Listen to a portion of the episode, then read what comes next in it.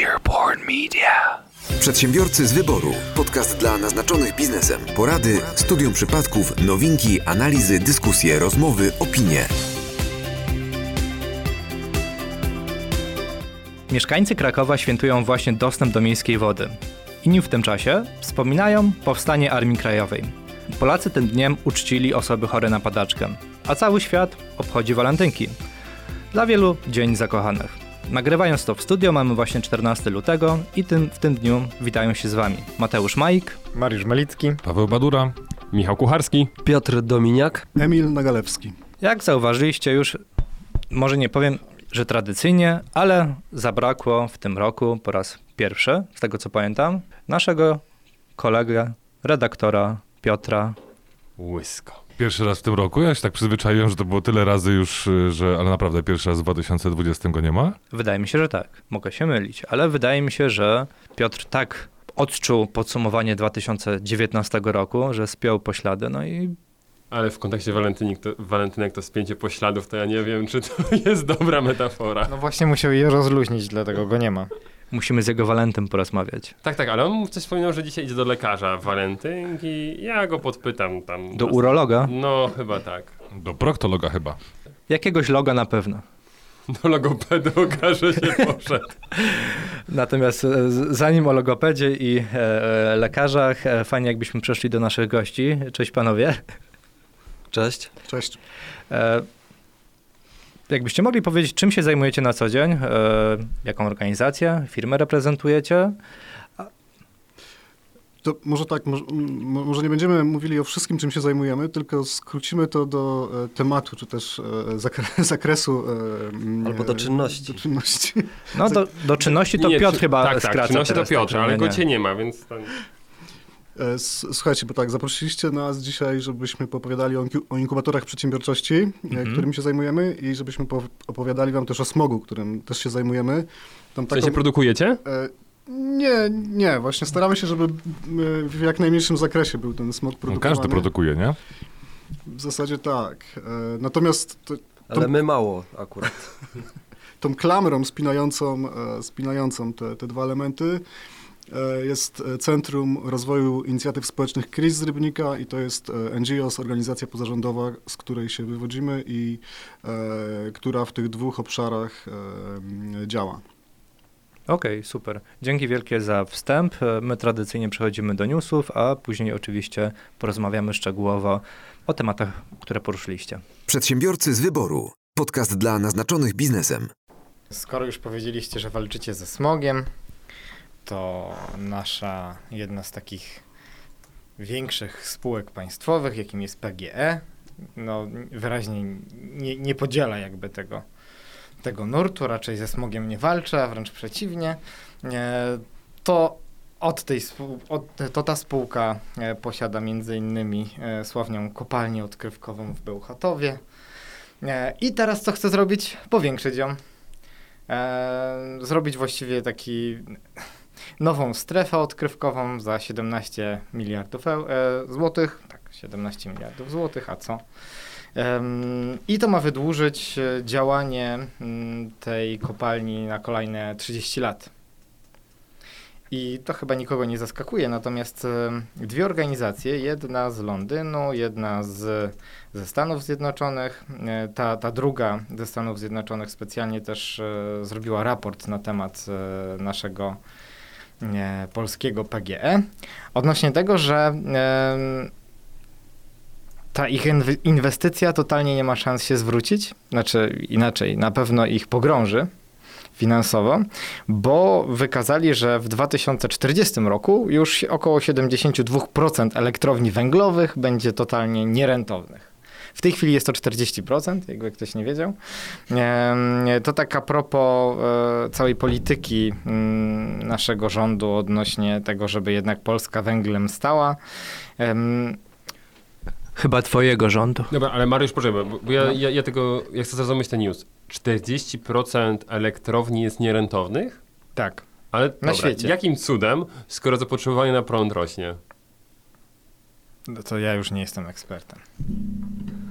Po prostu koszty wytwarzania i zakupu surowca są wyższe niż koszty y, niż przychody ze sprzedaży energii elektrycznej, w związku z czym one funkcjonują w oparciu o dotacje y, publiczne.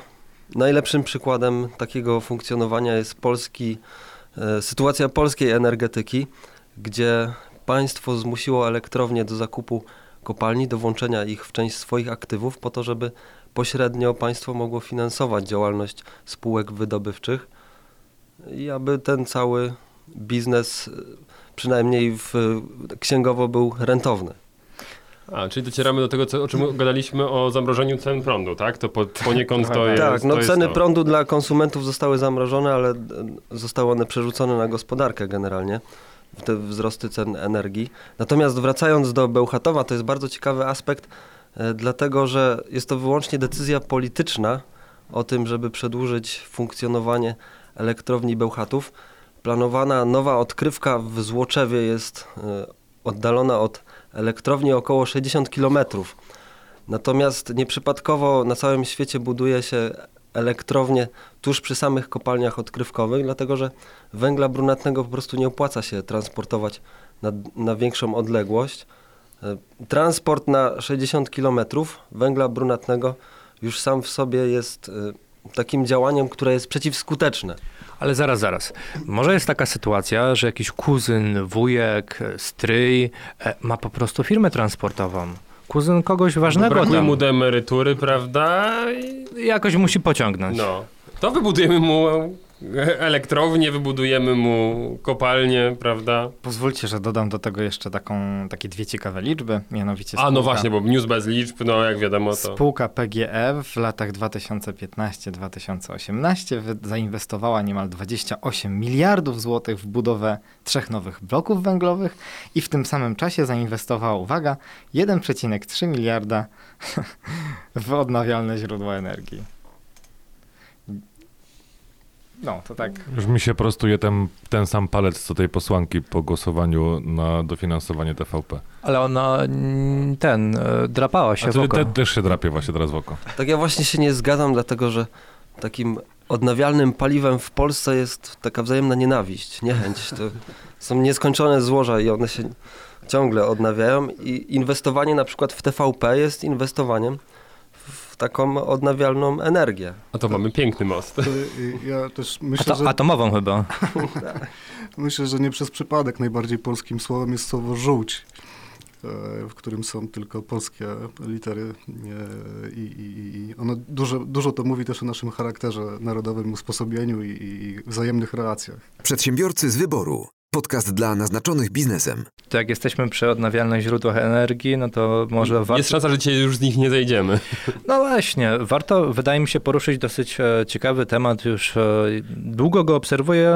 Pa, Paweł też, e, że tak powiem, został wciągnięty w tę obserwację, mianowicie mm, wcześniejsze możliwe dopłaty, które rząd chciał wprowadzić na auta elektryczne i faktycznie bardzo duże zainteresowanie dzięki tym opłatom, które miały zostać wprowadzone, bo to było rzędu około 30% z tego, co pamiętam, dopłaty do, do da- danego pojazdu, pod warunkiem, że nie przekracza 120 paru tysięcy złotych.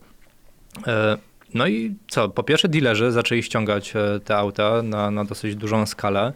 E, Po drugie, z tego co rozmawiamy z paroma dealerami, e, faktycznie tych zamówień było dosyć dużo e, w porównaniu do lat ubiegłych, no bo w latach ubiegłych, umówmy się, te auta raczej na sztuki się sprzedawały w ciągu roku. W momencie, kiedy mm, zostało ogłoszone, że, że właśnie te dopłaty mają być wprowadzone, średnio kilka zamówień dziennie u jednego dealera się pojawiało, przykładowo w składzie w Katowicach. No i co? I poszła fama teraz, że te dopłaty mają być zmniejszone o ile o połowę. I co się okazuje? Po pierwsze, dealerzy, którzy obniżyli ceny i dostosowali się do rynku, no mają problem, bo pościągali te auta, te auta stoją na placu. Po drugie, e, osoby, które mm, e, nawet dały zaliczkę, to rezygnują w tym momencie z zakupu tego auta, bo po prostu już się to nie opłaca. No właśnie, no i taki komentarz może od Was zarówno biznesowy, jak i może ekologiczny. Czy, czy to jest dobry ruch, Waszym zdaniem? Zarówno właśnie e, dotyczący wykiwania Polek i Polaków, Przez osiem ostatnich lat Polki i Polacy byli ignorowani. a dwa, no kwestie właśnie, co oni to, tam robią u góry. To ja może tylko powiem, że kiepskim ruchem biznesowym jest opieranie się na obietnicach rządu. No, i- no, no i tyle, jeżeli chodzi o tych, którzy już A, a, zainwestowali. ja, bo... a, ja- a, ja- a, ja- a ja się nie zgodzę, bo proszę pana, a jakbym się oparł na 500 plus i widzisz, elegancko bym się teraz na tym wyszedł. No, obiecali i dali. A? I co ty na to? Ja myślę, że z biznesem dobrze, y, z, przepraszam, z rządem jest dobrze po prostu robić biznes. Tak jak na, na przykład spółka Electromobility Polska, która została powołana 4 lata temu przez polski rząd do tego, żeby rozwijać elektromobilność, wybudować fabrykę samochodów elektrycznych i o, o ile dobrze pamiętam, to premier Morawiecki obiecał, że w 2025 będziemy mieli milion polskich aut elektrycznych. Meleksów, tak? Prawdopodobnie chodziło o Meleksy. To wy już to dopowiadacie, to nie chodziło o Meleksy. I to łącznie z tymi, które zostały wyprodukowane mniej więcej od lat 80. Czyli wszystkie spółdzielnie mieszkaniowe po prostu przyklasnęły. My już te Meleksy mamy już od lat. W ZO też widziałem, Ale- chorzowskim jeżdżą. Ale to jest ciekawy wątek, e, bo okazuje się, że w związku z, ze wzrostem cen, ele, e, hurtowych cen energii elektrycznej w Polsce, mm, przestaje opłacalnym być w ogóle korzystanie z samochodów elektrycznych, dlatego że ich e, taką istotną przewagą w, kon, w konkurencji z samochodami spalinowymi jest to, że ich eksploatacja jest tańsza. Natomiast w Polsce w związku z tym, że ceny energii elektrycznej ze względu na przestarzały system energetyczny rosną, to spada sens taki ekonomiczny korzystania z samochodów elektrycznych. To Oczywiście, jeżeli ktoś nie ma własnej e, ładowarki w domu zasilanej panelami fotowoltaicznymi. No najlepiej byłoby zrobić samochody na węgiel. Taka nowa wersja I polskiej jeździłyby, syrenki. I jeździłyby w promieniu tylko poniżej 60 km od Bełchatowa. Słuchajcie, de, de facto to one są na węgiel, bo jak 80% energii pozyskujemy z węgla, no to i ładujemy te auta, no to, to chcąc nie chcąc to jest prąd z, z, Wiesz, ale z takie węgla. z kotłem, co po prostu ładujesz do nich. I, i mo, mogłoby się fajnie jakoś nazywać, nie wiem. Samochód jakaś, parowy. e, syrenka Bełchatów, nie wiem, coś takiego. A to byłoby dobre. Ale wracając, bo tutaj parę wątków. Jeden e, to ten dotyczący z tymi dopłatami, więc e, no Mateusz, pamiętasz jak my się o tym dowiedzieliśmy, to naprawdę robiliśmy solidne kalkulacje dotyczące tych aut, prawda? Ja już czekałem na jazdę próbną nawet. No, także... Do tego stopnia. I już, no, i, i już e, opłaciłem tylko na pół roku ubezpieczenia auta teraz, żeby go sprzedać. No i co? No i trzeba dopłacać na kolejne chyba pół roku. No chyba tak. Nissan dopasowywał ceny y, samochodów tak, żeby spełniały ten próg, y, który miał być y, Nissan, objęty Renault. Skoda, prawda? No doposażenie tak naprawdę obcinali tylko i wyłącznie dlatego, żeby właśnie się zmieścić w tym progu. No i co? No i Ten próg był co, 120 tysięcy? Coś 125 takiego, prawda? chyba, no. 125 tysięcy, no i wszystkie nagle marki miały w ofercie ele- elektryki e, dokładnie mieszczące się tutaj.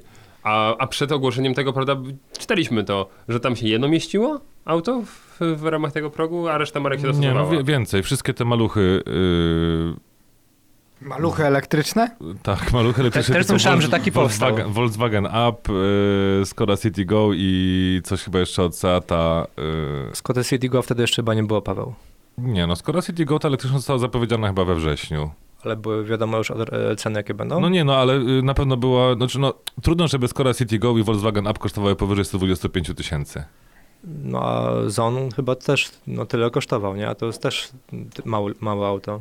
No nie, on jest chyba większy, sporo. Dobra, no Tesli z dofinansowaniem nie kupimy, no to możemy tak to. To nie Skandynawia. Ale w Stanach byśmy kupili, bo w Stanach y, po 29 tysięcy dolarów chyba, y, czy nie, po 30 tysięcy dolarów chyba jest y, naj, najniższy model Tesli. Trójka, no. Jakby co, to ze Stanów też się da podcast robić. No ale, aha, no to no, podcast to tak, Ale można spokojnie kupić taniej akcje Tesli. Mariusz, wszystko da się ze. Stanów Ja robić. nie wiem, czy aż tak taniej. Patrząc na to, jak teraz rosną, to no. Wszyscy na, Elona ju, na Elonie już psy wieszali, a tu proszę bardzo. Przedsiębiorcy z wyboru. Podcast dla naznaczonych biznesem. A A, a, a propos ak- akcji jeszcze, to y, Ubisoft, czyli mm, teraz znowu mówię tylko do Michała i do naszych słuchaczy, którzy Czekaj, interesują może, się. może nasi goście też grają. A może nasi goście też grają y, Co? w gry komputerowe, wideo. Da- Ja gram w szachy na Super. Mario, Worms. e, Nieregularnie. W każdym razie Ostatni raz 20 lat temu. regularnie co, co 15 lat.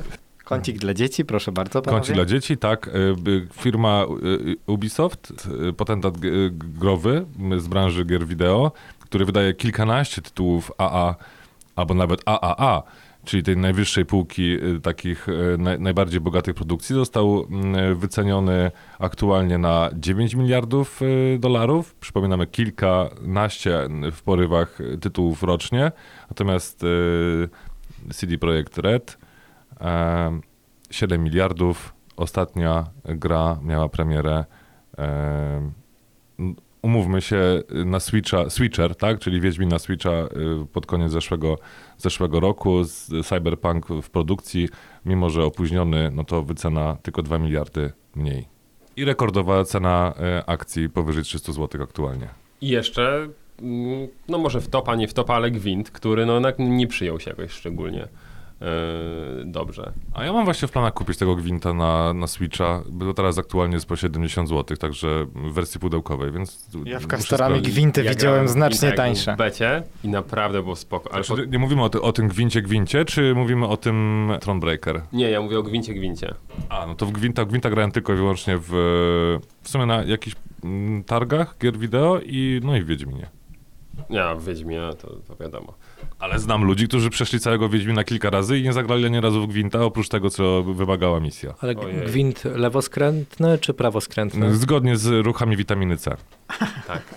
W zależności tutaj, jaką oferują ci, bo to, to wiesz, zależy na której półkuli, prawda, sprzedajesz, tak? Bo na północnej to w jedną, nie wytłumaczymy kiedyś. Przedsiębiorcy z wyboru. Podcast dla naznaczonych biznesem. E, ale czekajcie, mówiliśmy jeszcze o czymś, a o, o tym, że auta elektryczne nie są tak, tak ekologiczne, bo jeżdżą na węgiel. Mm, o tym, że się przestanie To ja się nie zgodzę, bo ja już miałem tak dalekosiężne plany, że nawet e, umowę, którą przedłużałem teraz z Tauronem, to podpisałem na energię z odnawialnych źródeł energii. Dostanę odpowiedni certyfikat i potwierdzenie, że tylko z takich źródeł oni kupują od producentów energię i tak chciałem ładować swoje auto.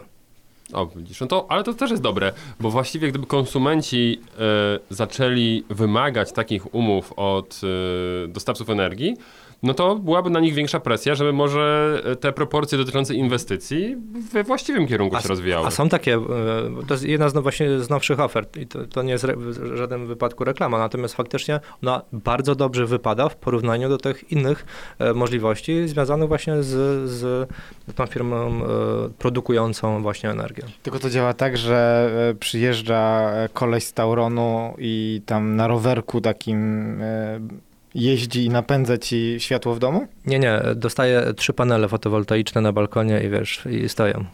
Nie, no, po, a tak poważnie to po prostu, tak jak mówię, skupują od innych producentów.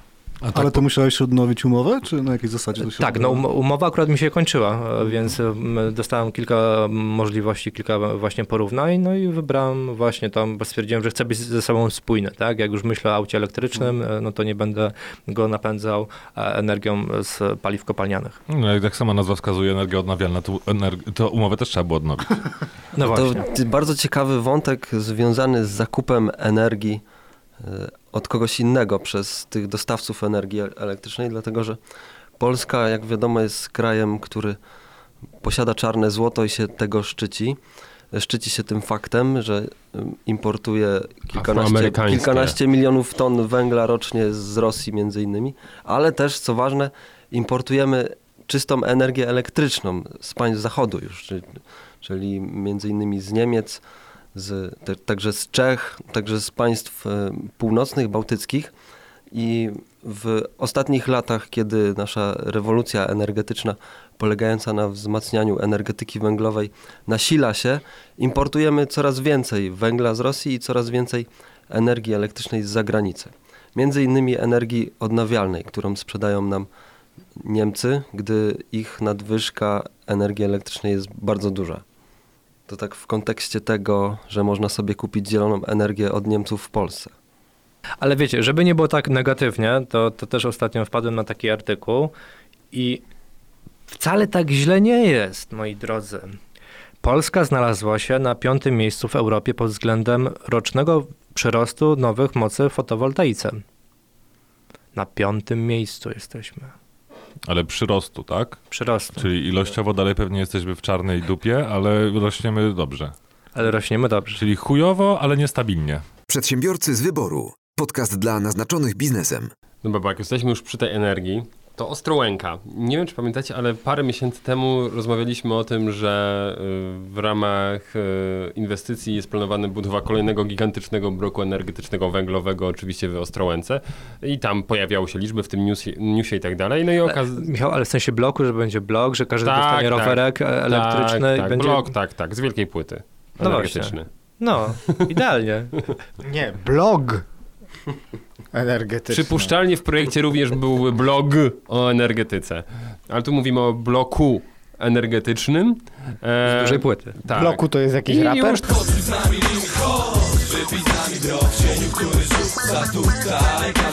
Tam się ta inwestycja e, ro, rozpoczynała. Już tam coś za, zaczynali robić. I nagle mm, na początku tego tygodnia czytam, że zmieniła się koncepcja i z e, węgla stwierdzili, że będą to opalać gazem. I już mówię, o, idziemy w tym kierunku. E, chłopaki, gaz lepiej, trochę lepiej ni, ni, niż ten węgiel, czy... Znaczy, z- No, z punktu widzenia smogu na, na, na pewno nie, nieco lepiej, natomiast z, z, z punktu widzenia e, z, zmian klimatycznych, e, no to tak, Tak- tak sobie dalej. Tak sobie. No, to e, właśnie oni się zorientowali, że to jest szansa na choćby minimalną poprawę, dlatego e, aktualnie inwestycja e, ma wstrzymane inwestowanie. W ciągu tygodnia zmienili e, sposób opalania i stwierdzili, że jednak może na chwilę wstrzymamy tę inwestycję. E, i Energa zawiesi, zawiesiły na razie funkcjonowanie projektu, zleciły jakieś dodatkowe analizy i gdzieś mi się w głowie pojawiła myśl, a może to po to, że w końcu ktoś wpadł na to, że to może atom zrobimy w Polsce, ale myślę, że to chyba jednak jeszcze nie ten etap, żeby do tego doszli. No, także tak w ciągu tygodnia my zmieniamy dwa razy plany dotyczące nowego bloku energetycznego, więc co, co tam myślimy o jakiejś dalekofalowej polityce energetycznej w kraju? Znaczy, to, no, ciężko to skomentować, jakieś takie gwałtowne z, z, zmiany z ostatnich dni. No, to już przed paroma miesiącami e, powstawały przecież raporty ekspertów, którzy twierdzili, że to, się, że to się nie opłaca, że to się finansowo nie zepnie, że to jest bez sensu. No i eksperci krakali, krakali, no i okazało się, żeby krakali. No i, i teraz nawet ci, którzy mm, mieli e, odpowiadać za tą, za tą inwestycję, no, twierdzą, że, że, że to się nie, nie uda, albo To, że przez, nie, nie to należy przez, tego robić. przez tych ekspertów to wszystko, bo wykrakali. Wykrakali, tak. Przedsiębiorcy z wyboru. Podcast dla naznaczonych biznesem. No, no to proszę bardzo, to ja mam, ja mam zejście z energetyki. Ja, ja ostatnio rzucam e, takie różne olśnienia, jakie, jakie widzę e, wśród ekipy rządzącej. Kojarzycie e, ostatnie dwa tematy, prawda? E, że tam ich olśniło, że 500 plus nie przynosi efektów, jakie, jakie chcieli i tak dalej. I tym razem nie kto inny jak sam prezydent Andrzej Duda przyznał, że, że to jest tak, że faktycznie rosną ceny wszystkiego, ale rosną też wynagrodzenia. I teraz co powiedział? Bo to jest tak, że jak e, wzrastają wynagrodzenia, to automatycznie e, przedsiębiorcy podnoszą ceny i wtedy wz- wzrastają też, e, no właśnie, e, koszty życia, ceny i tak dalej. Zapomniał tylko dodać w tej swojej wypowiedzi, że to dotyczy tylko, kiedy wynagrodzenia są podnoszone sztucznie, Am, a nie kiedy to wychodzi z gospodarki i ekonomii. Także takie olśnienie naszego prezydenta, ale może, może nie do końca. No bo nie zakładam, że, że manipulował tutaj jakąś swoją wypowiedzią, prawda? Nie, nie, on po prostu ym, pewną część wykładu, na który na pewno uczęszczał, na ekonomię, e, makroekonomię może nawet, przemilczał, przesłuchał, może przegadał z kimś. Wiesz co powiedział? Powiedział tak, jeżeli podwyższamy płacę minimalną, wypłacamy dodatkowe świadczenia, ludzie mają więcej pieniędzy i w związku z tym koszty dla pracodawców, to mimo, że wprowadzamy mały ZUS, to widać, że mimo wszystko wpływ na ceny jest. Przedsiębiorcy z wyboru. Podcast dla naznaczonych biznesem. Od 2013 roku Polska cały czas spada. I nie tylko w różnych rankingach, o których już mówiliśmy wcześniej, e, ale również pod względem przyrostu naturalnego. I to na pewno nie jest e, rzeczą odkrywczą, natomiast e, no niestety albo stety nasze województwo, z którego pochodzimy, czyli województwo śląskie, ma największy z tym problem. E, Z roku ubiegłego A patrząc na 2018 i właśnie 2019, e, jesteśmy na minus, zaraz wam dokładnie powiem, minus, prawie minus 6 tysięcy osób. Czyli o, przepraszam, minus 7 tysięcy osób. Prawie, e, raczej 7 tysięcy osób więcej umarło niż się urodziło. I patrząc na wszystkie województwa w Polsce, no, mamy najtrudniejszą sytuację. Natomiast pojawiają się województwa, które jednak mają wzrost. Nie wiem, czym to jest spowodowane, szczerze powiedziawszy. E, mówimy Ja ci tu... to potem wytłumaczę, bo akurat walentynki to... Potem, tak? Dziękuję ci, Mariusz. E, województwo małopolskie przoduje w tym. Mają o 1000, prawie 300 e, osób więcej. To ja ci wytłumaczę dlaczego. Smog, tak? I Bo oni się siedzą- boją wychodzić z domów, no a jak siedzisz w domu cały czas, no to co masz robić? No okej. Przecież nie oglądać TVP. W Pomorskim, rozumiem, nie ma smogu, no to, no to co? Ale to jest jakby drugie województwo. Wielkopolskie jest na trzecim miejscu. No jest tam też smog. Nie, tam bardzo wieje, więc tam tego smogu jest e, bardzo mało. W Trójmieście podobno jest. Panowie, jest czy nie ma? Jest, tylko że pewnie w mniejszej skali, natomiast no, dz- działa też w, w najbardziej chyba wysunięty na północ e, wejherowski alarm smogowy, czyli e, no, skoro jest alarm, skoro jest grupa ludzi, która walczy z tym smogiem, to coś tam jednak musi być. Tam dużo jodu też jest, nie? Więc w zależności od tego, czy jest dużo jodu, czy jest dużo smogu, to albo się pocierają, albo nie. E, atomy różne. No, no, należy przede wszystkim pamiętać, że e, województwo pomorskie, podobnie jak wszystkie inne województwa w Polsce, jest zaludnione w dużej mierze przez mieszkańców małych miejscowości i wsi, e, gdzie zazwyczaj nie ma żadnej alternatywy dla e, ogrzewania węglowego bądź opartego na drewnie. Muszą się przytulać. Tak, można się przytulać. No i w takich miejscowościach zanieczyszczenie powietrza jest bardzo duże. W związku z czym województwo pomorskie postrzegane głównie przez pryzmat Trójmiasta, gdzie może być trochę lepiej niż gdzie indziej, no nie jest takim doskonałym odzwierciedleniem sytuacji w całym województwie. No widzisz, Mariusz, czyli jednak e, to, że e, Małopolska... Chociaż, no nie, to jest trochę potwierdzenie tego, o czym powiedziałeś. Może Ale tak tak, e, w, w kontekście przyrostu demograficznego to zgadzam się, że fakt, że ludzie siedzą w domach, na przykład dlatego, że boją się smogu, powoduje boom demograficzny. Obecnie w Chinach na przykład jest spodziewany boom demograficzny mniej więcej na jesień. A tam nie było przypadkiem zakazu, że w danej rodzinie nie może być więcej niż ilość dzieci? Przynajmniej wiem, że do pewnego Tak momentu była, Azjaci... tak, była polityka jednego dziecka, ale e, kilka lat temu została zniesiona. Natomiast e, obecnie wielu ludzi jest izolowanych, nie mogą wychodzić z domów.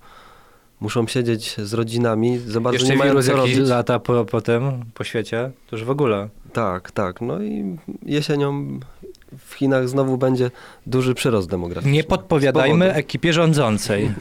Jak to się robi? Jak wiecie, no ja, ja, ja najwyraźniej też się smogu bałem, bo drugie dziecko w drodze to. Nic nie dzieje się przez przypadek. Ale to jest bardzo ciekawy paradoks, dlatego że smog zabija dzieci, a zarazem wpływa na ich y, przyrost. Czy takie perpetuum mobile trochę. I to jest właśnie polska energia odnawialna. Przedsiębiorcy z wyboru. Podcast dla naznaczonych biznesem. Jeden z naszych ulubionych tematów, sklepy samoobsługowe i obchodzenie zakazu handlu w niedzielę. Nikt się nie zaczas tym razem. Nie, nikt się nie za czasu, ale y, patrząc na to, jaka sieć wchodzi na ten rynek, myślę, że mm, ryzyko y, zaczaśnięcia, ale to nie na skutek tego, że coś będzie nie działało, tylko na, na skutek tego, że to dużo sklepów będzie, może wzrosnąć. Jak myślicie, jaka? Jakieś pomysły? Żabka. Nie, nie, nie, aż, ta, aż, aż tak jeszcze nie. Le Lewiatan? Lewiatan. Oczywiście, Lewiatan wchodzi w Myślałem, że sklepy Archelan. samoobsługowe. Archelan nie. A, ale, ale Lewiatan, Lewiatan wchodzi w sklepy samoobsługowe. Także, jak widzimy, zakaz handlu w niedzielę naprawdę wpływa na innowacyjność polskich przedsiębiorców. A, bo Lewiatan tak chyba nie był bardzo innowacyjnym e, sklepem jakiegoś czasu. Można powiedzieć, był tam em, gdzieś daleko, patrząc na czołówkę biegnących w tym peletonie. E, Wiesz co, mnie się tylko wydaje, że to e, nie zakaz handlu w niedzielę e, pokusił Lewiatan, żeby pójść w sklepy samoobsługowe, raczej 500+. Plus. Albo w ogóle podwyżka płac. Dwa w jednym może. Dobra, jakby nie było, zmusiło Idzie. ich coś, tak, żeby ten ruch wykonać, ale wchodzi w to sieć, która ma w Polsce 3200 sklepów. To już naprawdę jest solidna liczba. Także biorąc Osób, pod uwagę, że w Polsce mamy pracę. około 2,5 tysiąca gmin, no to po, jednym, po ponad jednym sklepie na gminę, także Ale całkiem nieźle. to będzie wyglądało tak, jak zwykle pokazują, czyli będzie taki, e, nazwijmy to, box jakiś większy i będą e, maszyny vendingowe?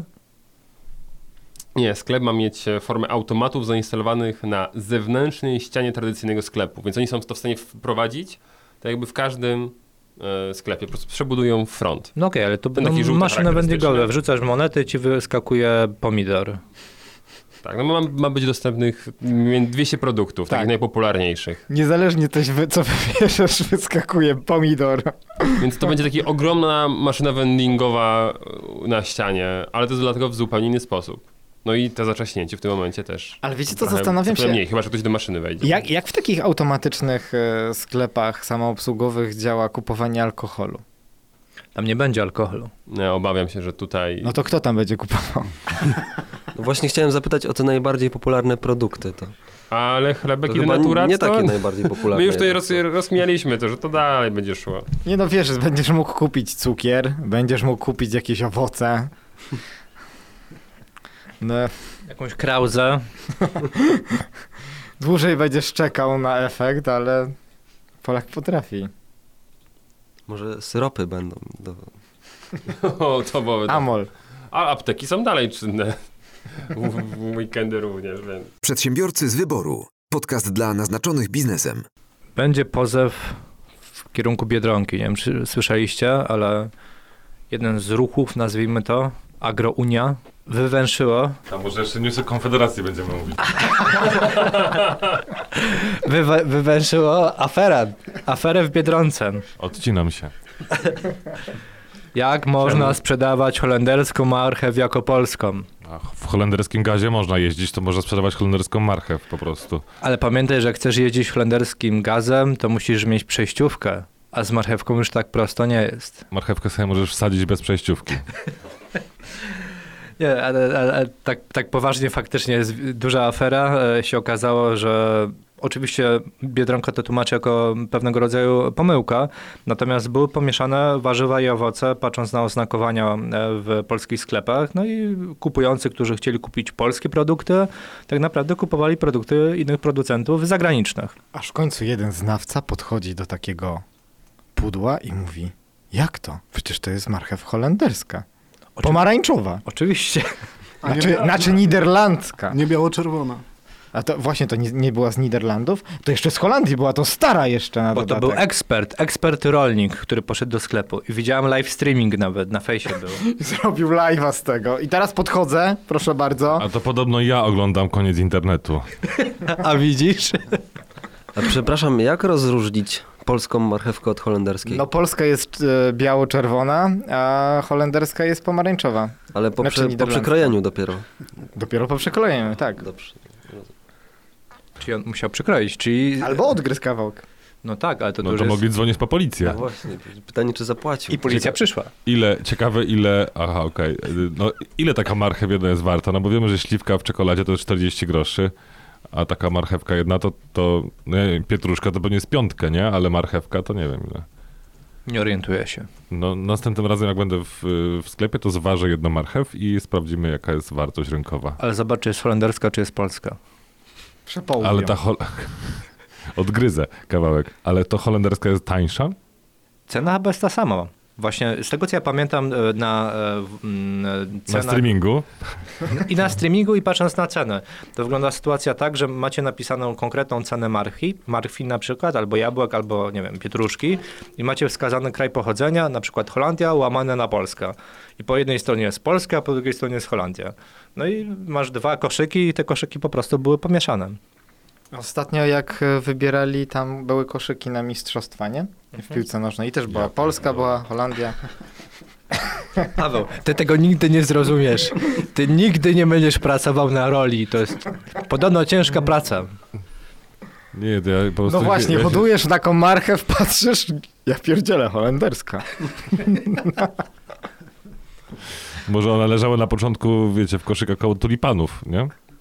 I tam się coś... e, Przesiąkła. Przesiąkła, tak, przesiąkła i już się zrobiła holenderska. Ale bo pytanie, skąd pochodzi marchew? Ziemia dla ziemniaków, marchew dla marchwiaków. Marchwiaków. Czyli ta marchew taka kosmopolitka trochę. Powiem wam, że mamy duży problem w takim razie, bo y, właśnie sprawdziłem tutaj w internecie i marchew uprawna to jest podgatunek lub odmiana w zależności od systemu klasyfikacyjnego marchwi zwyczajnej z licznymi odmianami jadalnymi i pastewnymi pochodzi z Azji, gdzie od czasów starożytnych uprawiana była marchew czarna. W Azji czarna, myślałem, w Azji będzie żółta, no bo w Holandii jest pomarańczowa, no to w, w Azji powinna być żółta. I e, w średniowieczu trafiła do uprawy w Europie i wyhodowano liczne, liczne odmiany o korzeniu białym, zwłaszcza pomarańczowym, e, O korzeniu białym, zwłaszcza pomarańczowym. o korzeniu białym i zwłaszcza pomarańczowym, które z czasem wygasły w uprawie, wypa- przepraszam, małe, mała czcionka, ja mam wadę wzroku, E, te kolory wyparły e, w uprawie marchew e, fioletowy, bo pierwotnie marchew była fioletowa, czyli czarna. To ja bym wolał taką czarną, czyli fioletową. Tak dobrze by się komponowała. Ale są czerwone, widzisz, na zdjęciu są białe i to są polskie. Ale są, no faktycznie, takie, na tym zdjęciu są takie obok siebie właśnie białe i czerwone. Ja teraz się Tak, dowiedziałem, że widzimy. Ja, ja tylko holenderskie kupowałem w takim razie. Ja wszystkie pomarańczowe miałem. Mariusz, czy ty tylko marchwie e, holenderskie e, kupowałeś, czy coś jeszcze? Holenderskie? Ale trzecia marchew? Czyli- Trzecia? Trzecia czy trz- trzecia? Czy ścierasz ją na tarce, czy jesz ją w całości? Ścieram. Ścierasz. Czasem ścieram. A czasem tak zjadam. A to źle? Na surowo też, tak? Nie. Nie, na surowo. Nie jesz marchwi na surowo? Rzadko. On ma później zaparcia. Skąd wiesz? Piotrek nam mówił. A właśnie, Piotr, popatrz, o nieobecny tylko źle, a tutaj 40 minuta nagrania nie ma nic o, o, o Piotrku. Oprócz tych chorób wenerycznych i, i urologa. Yy, Bo Piotrek teraz, spra- Ja, ja bo już Piotrek teraz prowadzi tą sprawę tych marchew. Marchwi. dla tej yy, Unii Agro coś tam, tak? Agrounii. Agrounii. Agrounii. Ciekawe, czy streaming będą mieli z rozprawy z Piotrkiem. Przedsiębiorcy z wyboru. Podcast dla naznaczonych biznesem.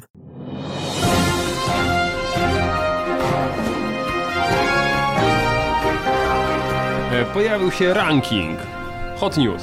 E, Ranking e, dotyczący hierarchii zawodów według poważania społecznego. A zatem, szanowni państwo, rozpoczynamy nasz podturniej, podcastowy teleturniej, e, w którym do zgarnięcia jest 3-sekundowa aprobata wzrokowa. Jak myślicie, jaki zawód cieszy się największym poważaniem społecznym? I na pierwsze na pytanie odpowiada, niechaj nasze koło wylosuje... Piotr Łysko. Ministrant. Piotrze, nie pytaliśmy e, o twój ulubiony zawód, ani o to, jakie są twoje najlepsze wspomnienia z dzieciństwa, więc przejdźmy do naszych gości. Ja myślę, że notariusz. To nie jest notariusz, notariusza tutaj nie mamy. Strzelam, że to może być, e, nie wiem, jakiś wykładowca akademicki, a na drugim biegunie polityk. E, nie, nie, nie, o drugi biegun sobie zostawmy, bo prawda, bo to, to, to, to nie byłaby zabawa. Okej. Ale nie no, jedna odpowiedź. Halo, halo. Profesor uniwersytetu bardzo dobrze. Tutaj pojawia się na tablicy naszej, wyświetlił się, ale jest to miejsce piąte. Strażak. Kurwa, oszukuję. Nie? Brawo, strażak, pierwsze miejsce. E, dobrze, a zatem przechodzimy do rodziny Maiku. Skąd nas przyjechaliście? E, z Katowic. Doskonale. Jak tam droga? Prosta. Prosta, doskonale cieszymy się. Następny w, przy stole rodziny Majków zasiada Mariusz. Naz... Czemu z tej samej rodziny? No bo też na M nazwisko. Zatem Mariuszu, pytanie to samo do ciebie. Więcej niż jedno zwierzę. Lama? Sprawdźmy. Więcej niż jeden zawód. Nie no, tak naprawdę to hodowca polskiej marchwi. Nie. I Pawle? Ja byś teraz ty mógł odpowiedzieć na to pytanie. Um, myślę, że to będzie najpopularniejszym, naj, najbardziej zaufanym, zaufanym, tak? Zaufanym? Poważanie społeczne. y, najbardziej poważanym y, Kogo masz społecznie... najbardziej w poważaniu? najbardziej poważanym społecznie y, zawodem y, w, w Polsce, kraju leżącym w Europie Centralnej, będzie mm, podcaster. No niestety, nie? No jako, że sobie nie poradziliśmy tutaj za dobrze z tym pytaniem, to mogę wam powiedzieć, że na drugim miejscu jest oczywiście Lekarz. pielęgniarka, lekarz, lekarz. Wiadomo, że lekarz to tak nie ten. Pielęgniarka. E, trzecie miejsce robotnik, ale uwaga, tylko wykwalifikowany. Czyli na przykład murarz, tokarz. Nie pytajcie mnie, jak oni to zbadali. Nie, nie, nie. Przepraszam, ja znam e, niewykwalifikowanego murarza. I masz no go w to on nie jest poważany. A poważasz go? No właśnie, no właśnie. I w związku z tym dlatego nie wylądował tutaj w naszym top 3. Ale czwarte miejsce przy tym wykładowcą akademickim wspomnianym przez e, Emila to górnik, moi drodzy. Górnik, dalej wysokie poważanie. Dobrze, ja bym chciał w takim razie zobaczyć metodologię badań oraz próbę badawczą i, i o co tam chodzi w ogóle. I Kiedy to badanie zostało zrobione? Bo ja mam wrażenie, że w PRL-u jeszcze. Mentalnie dalej jesteśmy w PRL-u. Cebos 2019. Przedsiębiorcy z wyboru. Podcast dla naznaczonych biznesem. Było już trochę ekologii e, w newsach, więc może teraz zacznijmy od tematów przedsiębiorczych, e, chociaż ekologia jest też związana z przedsiębiorczością. E, No właśnie, e, wskazaliście, że prowadzicie inkubator przedsiębiorczości. My też kilka odcinków temu, kilkanaście odcinków temu w zasadzie mówiliśmy o inkubatorach przedsiębiorczości, ale jako organizacji ogólnopolskiej, która e, wspiera startupy, wspiera przedsiębiorców na początkowej fazie rozwoju. No pytanie, czym się wasz inkubator różni właśnie od tego, nazwijmy to ogólnopolskiego, jako organizacji? No i dlaczego powstał, kto jest inicjatorem, jak to w ogóle wyglądało, od czego się zaczęło? Prostuję. Na sam, począ- na sam, na, sam początek e, chciałem s, m, prostować. E, Nie inkubator, tylko inkubatory. E, pr- Prowadzimy e, trzy inkubatory w Raciborzu, w Wodzisławiu i w Rybniku. Podałem chronologicznie, tak jak, jak, jak te inkubatory e, powstawały. E, I to są e, inkubatory, które prowadzi e, CRIS, czyli Centrum Rozwoju Inicjatyw Społecznych, e, no, na zlecenie e, e, miast, mm, w których one, w których one działają. I ich celem jest świadczenie różnego rodzaju usług e, e, mieszkańcom właśnie tych, tych trzech miast. Tutaj o- obserwując na różnego rodzaju, nazwijmy to inkubatory i organizacje, które wspierają przedsiębiorczość, bo ich jest coraz więcej w Polsce, e, warto wskazać, że no właśnie, część z nich jest prowadzona przez NGOsy, przez NGOsy związane w jakiś sposób z przedsiębiorczością. Część jest zlecana i są powo- powoływane różnego rodzaju spółki. E, Z tymi spółkami też bywa różnie w miastach, bo też słyszeliśmy różne historie, że osoby niekoniecznie związane z przedsiębiorczością, niekoniecznie popierające e, ten nurt e, przedsiębiorców z wyboru, e, właśnie tworzą tego typu miejsca, no i później dzieje się, co się dzieje, tak? Czyli powstaje konkretne miejsce, które ma wspierać przedsiębiorców, a tak naprawdę miejsce w ogóle nie wierzy w tą przedsiębiorczość. Na szczęście tak u was nie jest, tak? Czyli no, po pierwsze wspieracie faktycznie tych przedsiębiorców bardzo mocno na różnym etapie, o tym byśmy mogli też dzisiaj chwilę porozmawiać. Natomiast w ogóle pytanie do Was. e, Po co takie miejsce tworzyć, tak? Czy, czy e, waszym zdaniem jest to miejsce istotne na mapie ogólnie miast w Polsce, czy, czy no właśnie, bo są izby gospodarcze, e, są inne organizacje, które zrzeszają przedsiębiorców. Po co jeszcze inkubator? Myślę, że najlepszą odpowiedzią na to pytanie jest fakt, że nasze biuro praktycznie codziennie odwiedza ktoś, kto chce założyć firmę, chce się poradzić, jak to zrobić, skąd pozyskać finansowanie, w jaki sposób napisać biznesplan, jak rozpocząć działalność, jak prowadzić działania marketingowe. E, I no, z, z dobroci serca po prostu nie możemy tych ludzi e, odprawiać z kwitkiem, dlatego e, z czasem postanowiliśmy bardziej sprofesjonalizować te działania związane z pomaganiem ludziom w tym, w jaki sposób poruszać się e, w tej, w tej działce. Kwestie związane z, z zarejestrowaniem firmy, z, z założeniem przedsiębiorstwa to są obecnie bardzo proste zagadnienia, natomiast e, dużo bardziej zaawansowane zagadnienia wiążą się już z rozpoczęciem działalności, z, z pozyskaniem finansowania, z poukładaniem wszystkiego w firmie, z rozpoczęciem działalności marketingowej.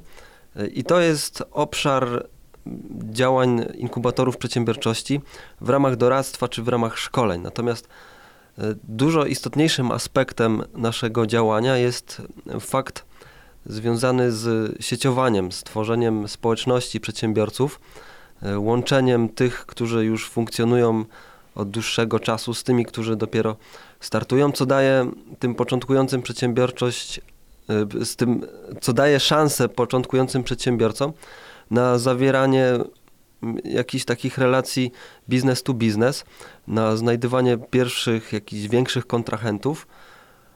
I jest to w moim przekonaniu taki istotny aspekt i wyróżnik tej naszej działalności w kontekście do działalności na przykład e, jakichś takich celowo doraźnie powoływanych spółek czy, czy izb gospodarczych, które mają swoich członków, E, które trzymają się w jakimś tam swoim sosie i nie zawsze dopuszczają świeżą krew do, e, do swoich struktur. Mm, ja także też ze swojego doświadczenia może powiem, e, obserwując też jak to się dzieje w innych miastach, poza tym też możemy wskazać, że też wspólnie z Mariuszem, Michałem prowadzimy taki inkubator na terenie miasta Dąbrowy Górniczej. Paweł też pomaga. No, niech dobra, już niech mu będzie. Piotrek też. I Piotr też, oczywiście. E, no, zapomniałem wymienić, bo go nie ma w studio teraz, natomiast faktycznie oczywiście Piotr też e, tutaj działa jako doradca i to, co nam się udało wypracować, jeśli chodzi o, tego typu, nazwijmy to współpracę, to, to fakt, że bardzo mocno podzieliliśmy obowiązki, tak? Czyli e, inkubator, tak jak w zasadzie sami wy wskazaliście, a przynajmniej tak to odebrałem, pomaga początkującym przedsiębiorcom, na przykład do, do pięciu lat od uruchomienia działalności gospodarczej, czasami krócej, czasami dłużej, bo zależy tak naprawdę od tego, jak szybko się te, ci przedsiębiorcy rozwijają. Natomiast e, i izby, inne organizacje również działają, ale się uzupełniają. Nie? Czyli w momencie, kiedy, nie wiem, inkubator pomógł, dana osoba się rozwinęła, no to automatycznie przechodzi dalej, na przykład do izb gospodarczych, tak, przechodzi do, do jakichś tam zrzeszeń innych organizacji, Oczywiście dalej może korzystać z, z, pomocy. Pytanie, czy u Was to też tak działa, albo jak nie działa, to czy powinno jednak w ten sposób działać, bo, bo też e, jakby ze swojego doświadczenia pamiętam, że stety albo niestety bardzo dużo organizacji stara się ze sobą rywalizować na, na jak działają w danym konkretnym mieście, mieście w danej, na danej konkretnej e, obszarze, niż uzupełniać je pod względem kompetencji, dublują, dublują swoje działania, niepotrzebnie wypalają swój czas, energię, zamiast właśnie podzielić się e, obowiązkami, podzielić działaniami e, dla dobra tak naprawdę no, tych odbiorców. E, mnie się wydaje, że e, my zajmujemy się mm, osobami, trafiamy do tych osób, które wcześniej w jakiś, nie były zaopiekowane. To, to, to są właśnie osoby, które dopiero w, w, rozpoczynają swoją przygodę z przedsiębiorczością. Często to są absolwenci szkół y, y, w, w tamtych miastach, y, czy, czy też uczelni w tamtych miastach, a czasami to są wręcz, wręcz studenci, którzy mają jakiś pomysł, chcą coś zrobić, nie wiedzieli gdzie iść i przez przypadek często tak jest, że trafiają do naszego, do naszego biura. No i my ich potem przeprowadzamy przez ten cały, cały proces. E, tworzenia, e, tworzenia tej firmy, e, uczą się wspólnie z nami jakichś nowych rzeczy. My też nie bazujemy tylko na swoich zasobach, my często zapraszamy e, osoby z, z, z, no z całej Polski w zasadzie, które prowadzą prowadzą zajęcia dla, dla naszej społeczności inkubatorowej. Z takich ciekawych osób, kogo jesteś w stanie wymienić? No tak, e, e, osobą, która e, największą furorę mm, mm, zrobiła, to był Paweł Tkaczyk. To robimy te nasze spotkania mm, w, w przestrzeni miejskiej, w, w pubach zazwyczaj. To po prostu ludzie się nie mieścili w, w pubie. To był pub na 120 osób, a mimo wszystko nie, niektórzy, nie, niektórzy nie zmieścili się do, do, do, do, do środka, także z, no, to tak, taka naj, naj, Sukces. Naj, sukces, jest sukces, tak. Choć, chociaż bardzo, bardzo żałowaliśmy, że, że niektórzy się nie zmieścili. Bo chcieliśmy, żeby wszyscy uczestniczyli z nami w tym wydarzeniu. No to następnym razem, jak będzie, będziecie zapraszać, zapraszać kogoś pokroju Pawła, no to proponuję generalnie zrobić to w trakcie y, Dnia Miasta, na rynku na przykład, albo gdzieś, prawda? Będzie scena Telebim, i wydarzenie telebim. plenerowe. Tak, ale równie dużym sukcesem było zaproszenie Piotra Chmielewskiego z Social Media Now, który jest rozpoznawalną twarzą w świecie mediów społecznościowych i który właściwie przyciągnął słuchaczy z całego regionu na spotkanie. W ogóle zagadnienie mediów społecznościowych i korzystania z nich w biznesie jest takim tematem, który bardzo, że tak powiem, żre, Mhm. Okej. jeśli chodzi o, e, o, o, o zainteresowanie. Chciałem jeszcze e, wspomnieć o takiej naszej w zasadzie e, perełce, czyli o chłopaku, który mm, e, trafił do nas ze swoją pracą inżynierską. Chciał z tego zrobić, chciał z tego zrobić biznes, przeszedł przez, przez wszystkie etapy od e, e, działalności nierejestrowanej po, po, po działalność w ramach inkubatorów AIP, którą też e, pomogliśmy mu założyć, aż w końcu zawiązał spółkę, która to spółka zakończyła ubiegły rok sprzedażą na poziomie miliona e, złotych, czyli no, to jest e, taki no, nasza perełka i coś, z czym się lubimy, lubimy chwalić, co pokazuje też, że, że, że ta, e, to nasze wsparcie ma, ma sens. Jakbyś śmiało możecie wskazać, co to, co to jest za firma, także Barmix, automatyczny barman, czyli urządzenie, które miesza drinki. jeszcze nie gada, ale miesza drinki. Po co ma gadać, jak miesza drinki, no proszę cię. Ale można do niego No, gadać. ale widzisz, no właśnie, dokładnie, bo najlepszy barman to ten, co cię wysłucha, prawda? To I- lustro tylko wystarczy zamontować. Mariusz, my cię nie pytamy o twoje doświadczenia e, z, Alkoholowe. Z, alkoholowe, dokładnie, że lustro od razu. A nie potrzebujecie tam testerów tego urządzenia? Jakichś nowych wersji? To pytanie do twórców. Ale mogę ci, Mariusz, skontaktować, nie ma problemu, bo to jeszcze za czasów, kiedy byłem w inkubatorze, że tak powiem, wchodzili e, do, do, do AIP. No, ale Wiem, bo też e, w ramach HIP im troszeczkę pomogłem. Swego W testowaniu. No niestety nie, na odległość. No to przykro mi. My testowaliśmy chyba z Michałem, bo mieliśmy taką tak, tak, z okazję. tego co wiem, ba, bardzo im się podoba e, pomysł, tak, Tak, lubią swój pomysł. tak. E, pytanie takie natury ciekawskiej. E, jak, mia- jak miasta w ogóle reagują na tego typu inicjatywy? Czy rozmawialiście też z innymi miastami o współpracy? W ogóle jaki jest odbiór? No właśnie, bo my też ro- rozmawiamy, mamy swoje opinie na ten temat, ale wolałbym usłyszeć waszych. No u nas zaczęło się w Raciborzu i po pierwszym roku samorządowcy z Władysławia Śląskiego i z Rybnika wykazali zainteresowanie tym, żeby prowadzić podobne, podobne miejsca. Ale sami wyka- okazali zainteresowanie, czy ktoś im jednak podpowiedział? Tak, trochę im podpowiedzieliśmy oczywiście, ale mieli w głowie te doświadczenia z Raciborza, wiedzieli jak to funkcjonuje. E, No i nie było to z naszej strony zbyt natarczywe podpowiadanie, e, ale prosta informacja, że możemy też to robić i która została przyjęta bardzo ciepło. Rybnik, Wodzisław Śląski, Racibórz to są miasta, które no, są, można powiedzieć, po, prawie po sąsiedzku. E, I ja- jakie wy widzicie plusy właśnie budowania tak blisko e, takiej sieci inkubatorów przedsiębiorczości, zarówno plu- plusy dla miast, jak i już dla samej społeczności osób, które korzystają z nich? Z punktu widzenia mikroprzedsiębiorców, którzy prowadzą działalność głównie na lokalnym rynku, mm, funkcjonowanie na przykład w Wodzisławiu czy w Raciborzu wiąże się z, mm, z, z pewną taką, e, nazwijmy to małą miasteczkowością, że ktoś jest ograniczony, jego, jego rynek e, ogranicza się tylko do, do tego miasta. Natomiast możliwość wyjścia po, e, poza obręb miasta zazwyczaj jawi się takim mikroprzedsiębiorcom jako, jako przedsięwzięcie związane z eksportem, z jakimiś e, niebotycznymi krokami, e, które wymagają dużego nakładu pracy.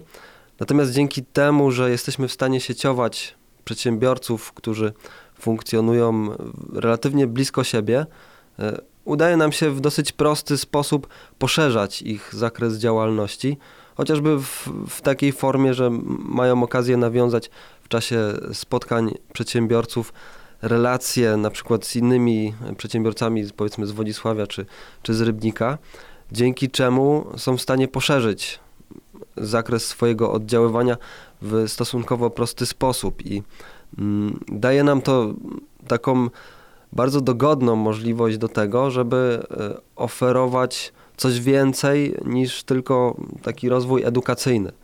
To jest, e, no wiadomo, że w biznesie przede wszystkim, e, szczególnie w, w tych relacjach B2B, liczą się przede wszystkim relacje, znajomości i kontakty, a te najłatwiej zawrzeć właśnie na, w czasie naszych spotkań. A w jaki sposób w ogóle, patrząc na inicjatywę, odbierają to przedsiębiorcy? Czy dziękują Wam za wsparcie, czy w ogóle nie, podpowiadają Wam, czego jeszcze potrzebują, a Wy aktywnie reagujecie na to i zmieniacie? E, tak, to znaczy, no, sytuacje są różne. Są oczywiście osoby, które, no, którym specjalnie to w niczym ani nie, nie przeszkadza, ani w niczym nie pomaga. To są głównie duzi przedsiębiorcy, tacy doświadczeni z, z, długim stażem, którzy, no, których działalność ma zasięg powiedzmy ogólnopolski albo międzynarodowy. I to nie jest też nasz target. Natomiast ci e, mali i średni przedsiębiorcy czy mikro, to są, e, to są ci, którzy czerpią z tego na różne sposoby. Po pierwsze, korzystając z wiedzy, którą można zdobyć w czasie spotkań czy szkoleń, które organizujemy. E, korzystają z, z, z nowych kontaktów. No i oczywiście też podpowiadają nam różne, mm, e, różne nowe tematy, które możemy poruszyć. Dlatego też w pewnym momencie, gdy organizowaliśmy na przykład śniadania biznesowe, zaczęliśmy, przeszliśmy od takich ogólnych networkingowych spotkań do ukierunkowanych na określone zagadnienia. Na przykład związane z zatrudnianiem cudzoziemców, czy związane z wdrażaniem innowacyjnych, zielonych technologii w przedsiębiorstwach. Więc to są takie tematy, które staramy się zawsze wplatać w różne przedsięwzięcia. A powiedz, na, na ile chętnie korzystają z Waszej pomocy tak mali przedsiębiorcy, którym niekoniecznie dobrze się wiedzie, mhm. E, ale tacy, którzy już funkcjonują jakiś czas e, na rynku. Też mamy jakby doświadczenia, więc ciekaw jesteśmy, mhm. E, ciekaw jestem, jak, jak, jak to u was wygląda, no bo to, że nowi, którzy dopiero wchodzą na rynek, chętnie z takich usług korzystają, to jest oczywiste. A jak ci, którym się nie wiedzie, a no właśnie. No tak, no ci, którym się nie wiedzie z, z reguły poszukują jakiegoś finansowania swojej działalności, więc oni przychodzą do nas e, z takim dosyć powszechnym, aczkolwiek błędnym przekonaniem, że pieniądze są do wzięcia z Unii, że można wszystko sfinansować i przychodzą najczęściej e, z prośbą o to, żeby pomóc im wyciągnąć tą kasę z Unii. Okazuje się, że to nie jest takie proste. No, takich osób jest dosyć sporo. E, jeśli chodzi o, o tych działających już od jakiegoś czasu, no to głównie ich potrzeby są związane właśnie z tym finansowaniem. I mm, problemów jest kilka. Przede wszystkim problem jest taki, że mm, te fundusze nie są dostępne dla wszystkich. To znaczy przynajmniej te w, w, w bezzwrotne formy finansowania działalności, one są związane głównie z, z koniecznością wdrażania jakichś innowacji, co szczerze mówiąc w przypadku wielu przedsiębiorców no, nie zawsze e, jest odpowiednio rozumiane, bądź jest rozumiane opacznie na zasadzie takiej, że jak ktoś kupi sobie obrabiarkę CNC do, do firmy nową, to twierdzi, że to jest innowacja. No, nie jest to niestety innowacja, e, więc e, jest taki problem z niezrozumieniem e, pewnych kwestii związanych na przykład z funduszami unijnymi przeznaczonymi dla przedsiębiorców. E, I są jeszcze inne instrumenty finansowania, na przykład nisko oprocentowane pożyczki, z których już chętniej korzystają te, takie osoby. A też e, warto chyba wspomnieć, bo dobrze, że powiedziałeś o tym, że bardzo często chcą jakiegoś finansowania, tym, którym tak średnio idzie, ale oni też chyba mają bardzo często pomysły, co zrobić z tymi pieniędzmi takie, że no właśnie raczej przepalą każdą kasę dalej. Ja, ja ostatnio miałem osobę, która przyszła do mnie na konsultację, bardzo fajna osoba, natomiast pomysł na e, 100 tysięcy, które chciała gdzieś tam dostać, był taki, że wrzuci wszystko w reklamę w telewizji, nie? więc... E, mhm na pewno, e, e, na pewno jej to efektów by nie przyniosło. I E, trzeba było wtedy tej osobie sprzedać tą reklamę. No tak, no, to jest problem, tak jak jest problem w takim wy wypadku takich przedsiębiorstw z rentownością sprzedaży, czyli z faktem, ile zysku netto przyniesie każda zainwestowana złotówka. No to właśnie no, takie osoby najczęściej borykają się z tym, że ta rentowność jest niska i często otrzymane pieniądze inwestują dalej w nierentowne e, jak, środki trwałe na przykład, czy takie usługi jak, jak reklama, która, e, która nie przyniesie sensu, bo najczęściej problem leży gdzie indziej. Problem leży w, w ogóle w, w samym e, w samej jakości oferowanej W produkcie, usługi czy prawda? Albo produktu. usłudze. Tak, Albo w tak sposobie zarządzania sposobie zarządzania, dokładnie. I, no, ty, I często znalezienie nowego finansowania nie rozwiąże, nie rozwiąże żadnego problemu. Wręcz może je pogłębić.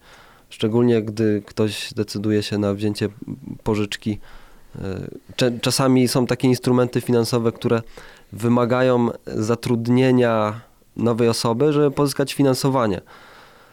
Co w przypadku no, błędnego, błędnej albo braku w ogóle analizy finansowej wiąże się z tym, że ten nowy pracownik tak w zasadzie jest dla przedsiębiorstwa kosztem, a nie e, szansą na rozwój tej firmy. No i branie takiego dofinansowania tylko po to, żeby e, nie wiem, do, dostać 20 tysięcy i coś tam kupić do firmy, e, które wiąże się ze zobowiązaniem utrzymania pracownika przez rok, no to jest kuriozum które często jest stosowane dlatego, że ludzie chętnie się rzucają po prostu na kasę, nie? która wydaje się łatwo dostępna. A właściwie no, to jest taki problem y, współczesnej przedsiębiorczości w Polsce, że y, znaczy no z jednej strony problem, z drugiej strony błogosławieństwo, no bo darmowe finansowanie w postaci dotacji jest, jest szansą dla wielu osób. Wiele osób wykorzystuje to bardzo skutecznie, natomiast jest spora grupa osób, która bardzo nieskutecznie korzysta z tego finansowania. Jest to przekleństwo w tym sensie, że mm, bardziej stawia się właśnie na pozyskanie tego darmowego finansowania niż na wy, wypracowanie pewnych umiejętności, które pozwolą samemu funkcjonować na rynku. Czyli wypracowywanie lepszej oferty, lepszego produktu i e, skupienie się na bardziej skutecznej sprzedaży.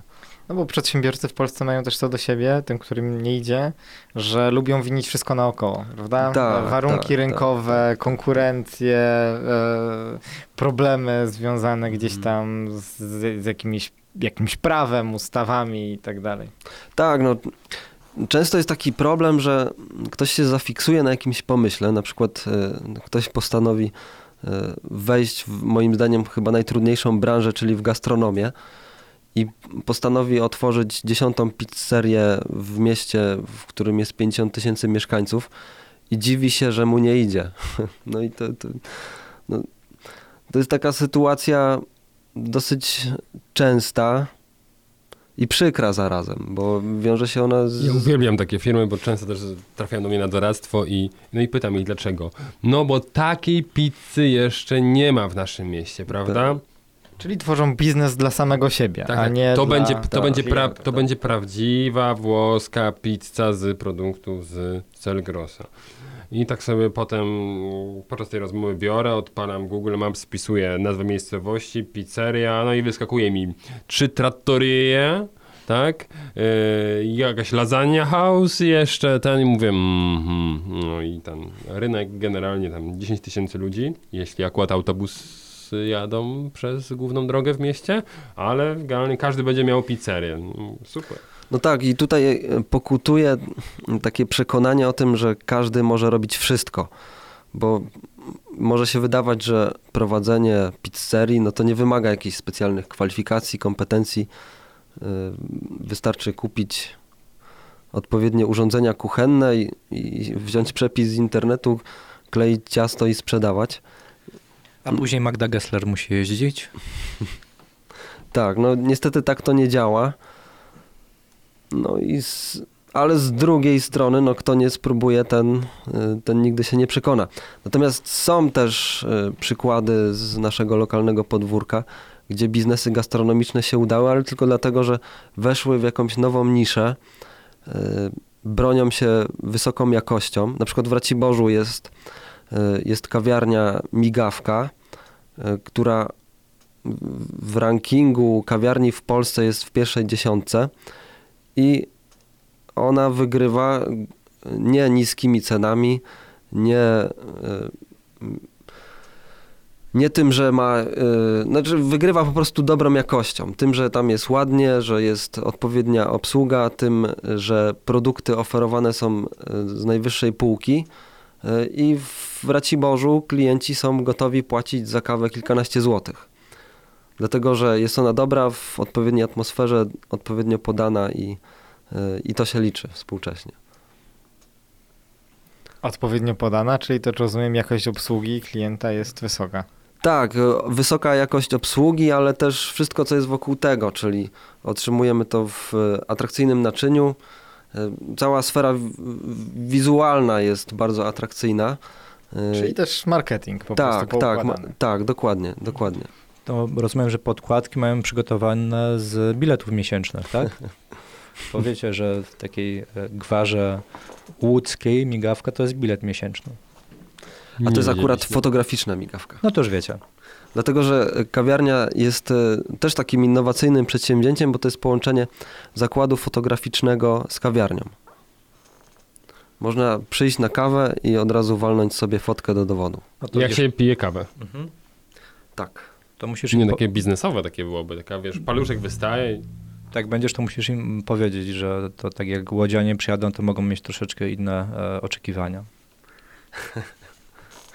No to dostaną karnet miesięczny na kawę i już. Migawkę na kawę. No. Przedsiębiorcy z wyboru. Podcast dla naznaczonych biznesem. W tematach e, dofinansowania i to, o czym ty mówiłeś, tych problemach, ja się w 100% z tobą zgadzam. Natomiast pytanie, czy właśnie rolą inkubatora też nie powinna być edukacja w tym zakresie, nie? czyli wskazywanie wprost, że mm, no faktycznie, czy ta dotacja, te pieniądze są ci potrzebne? Czy po prostu chcesz z nich skorzystać, bo je dają, czy faktycznie e, jednocześnie biorąc szansę innym, czy twój biznes e, jest w stanie się rozwinąć e, na samym początku tak naprawdę bez większych inwestycji? No bo umówmy się, że duża część biznesów, może poza tymi biznesami związanymi z gastronomią czy z produkcją, opiera się przede wszystkim o naszą wiedzę i poza naszą głową, e, rękoma i, i, i, kreatywnością, czy coś więcej potrzebujemy? Hmm. Znaczy dokładnie, prawda? Szczególnie, że to, to, co się stało w ostatnich latach, tak, zmiany w prawie, nierejestrowana działalność, że większość osób może zacząć testować przynajmniej pomysł jeszcze przed tak naprawdę wzięciem tej dotacji. I, i naprawdę, no, ilość osób, które dociągały tylko dotacje do, do, do tego roku działalności, prawda, a potem zwijały biznes i na przykład przechodziły do szarej strefy, no tutaj nie, nie napawało optymistycznie, dlatego tutaj myślę, że gigantyczna rola właśnie takich instytucji jak inkubatory, prawda, e, przedsiębiorczości lokalne, które no może pozwolą tym ludziom już na etapie samego pisania wniosku, tak, i przygotowywania się do tego, żeby wziąć tę tak to wszystko sformułować, e, tak ten biznes opracować, żeby to miało naprawdę sens. Bo prawda jest taka, że, nie wiem, przynajmniej tak wynika z mojego doświadczenia biznesowego, że moment, w którym ty potrzebujesz tej, tej, tych pieniędzy, tych rzędu tam, tych 25 tysięcy teraz około, tak? To nie jest moment, gdy rozpoczynasz działalność, tylko gdy ty już masz klientów i brakuje ci sprzętu, tak? Którym to możesz zrobić, tak? Ale już wiesz, co to ma być konkretnie za sprzęt, żeby to zrobić. No bo, um, nie wiem, przykład chyba z Dąbrowy, tak? Gdzie firma myślała o o jakimś szyciu ubranek, a ostatecznie kupiła hawciarkę, tak, bo tam jakąś, jakąś specjalistyczną, która tam jest coś, coś, coś, coś w stanie robić. Niby podobna branża, ale to nie był sprzęt mm, pierwszej, um, pierwszego wyboru tak naprawdę i o, o myśleli, tak. Gdzieś tam to miało być coś, co za kilka lat sobie sprawią, a okazuje się, że jednak tu było to ważniejsze. Więc no jest y, najpierw testowanie rynku, potem myślę zakupy.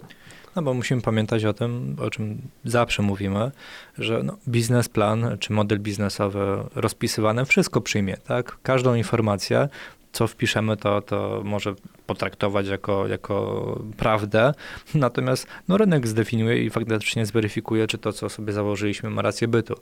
E, szkoda troszeczkę, że dotacje właśnie nie są przyznawane po pewnym czasie e, od uruchomienia działalności gospodarczej, no ale wtedy pamiętajmy, że byłaby już to pomoc de minimis. Tak, ale, ale to byłby Ej, no naprawdę, my sobie możemy na podcaście Wodze Fantazji puścić na przykład. Jakby dotacja była super, że otworzyłeś działalność gospodarczą, prowadziłeś ją, nie się paroma Mhm. klientami i w, w ramach dotacji państwo wesprze twoją firmę 25 tysiącami na inwestycje już w tym momencie. Mhm. No to byłby naprawdę fantastyczny mechanizm. Lub właśnie odwracając i wykorzystując aktualne przepisy, działaj na początku na nierejestrowalnej działalności gospodarczej, tak? No wiadomo, są pewnego rodzaju e, ograniczenia, bo nie możesz przekroczyć e, połowy minimalnej krajowej, czyli teraz to jest 1300 zł miesięcznie, no ale testuj ten biznes, weryfikuj go, już przygotowuj się, zobacz jak rynek go potrzebuje, bo co jest dużym mitem i to ja też spotykam na różnego rodzaju spotkaniach doradczych, to to, że dane osoby cały czas się boją promować swojego pomysłu na biznes, no bo to jest przecież, ja już jak coś promuję, to znaczy się, że ja już prowadzę działalność gospodarczą, no ale przecież nie mogę promować się, tak? No i wtedy pojawia się jedno wielkie tłumaczenie, że po pierwsze jest nierejestrowana działalność gospodarcza, a po drugie e, zobacz na definicję e, prowadzenie jednoosobowej działalności gospodarczej, tak? Promować je możesz, jak już zaczynasz obsługiwać tych klientów w sposób ciągły, no to faktycznie albo skorzystaj z, z nierejestrowalnej działalności gospodarczej, albo uruchom działalność gospodarczą. No więc to chyba jest dobry pomysł, żeby w ten sposób zacząć. Tylko no, pytanie, czy powiatowe urzędy pracy i inne instytucje, które posiadają tego typu instrumenty finansowe, nazwijmy to, mogą bezpośrednio wpisać u siebie w wymogach, że ta osoba na początku powinna przetestować swój pomysł na biznes, a dopiero później tak naprawdę mm, e, ubiegać się o otrzymanie dotacji na otwarcie prawdziwego biznesu. U nas to mniej więcej tak wygląda, to znaczy e, my nazywamy naszych doradców czasami weryfikatorami marzeń, dlatego że e, często osoby, które przychodzą skorzystać z, z, ze wsparcia doradczego, wychodzą nie do końca zadowolone z tych spotkań, e, ponieważ mają przemodelowany cały, e, cały swój pomysł, e, bądź czasami są zniechęcone w ogóle do tego. Ale to do- jest świetne do, do właśnie, tego, prawda? Co No- chciały. Przychodzą po to, żeby trochę ich em, ostudzić. No tak, tak. Challenge'ować. No, no Tak. bo jeżeli, Oho, zaczynamy. jeżeli doradca jest człowiekiem, no to nie będzie kogoś wpuszczał celowo w maliny, żeby, e, żeby ten utopił się na Jak nie? 20 paru tysiącach Możesz wszystko. Z, z powiatowego Ograniczenia pracy. tkwią tylko w twoim umyśle. Tak, tak. Świat stoi przed tobą otworem.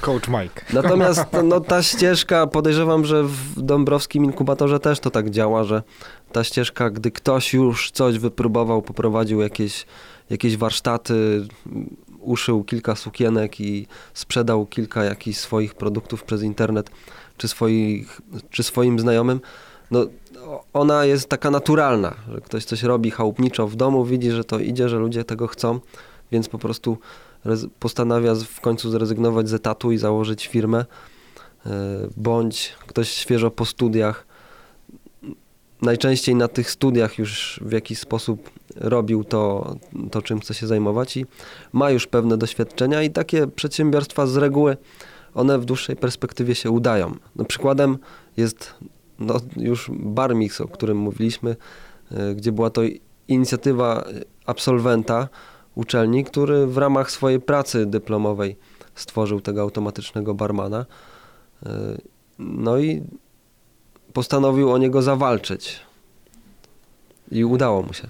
Tylko też trzeba powiedzieć wprost, że jakby pomysł to jedno, natomiast e, nie ukrywając, e, przynajmniej tak jak ja obserwowałem właśnie ten startup wtedy, no to na- nazwijmy to sam zespół był też kluczowy, tak? Czyli w odpowiednim momencie e, poznał odpowiednich ludzi, ci ludzie w jakiś sposób się zaangażowali też w projekt i uzupełnili jego kompetencje.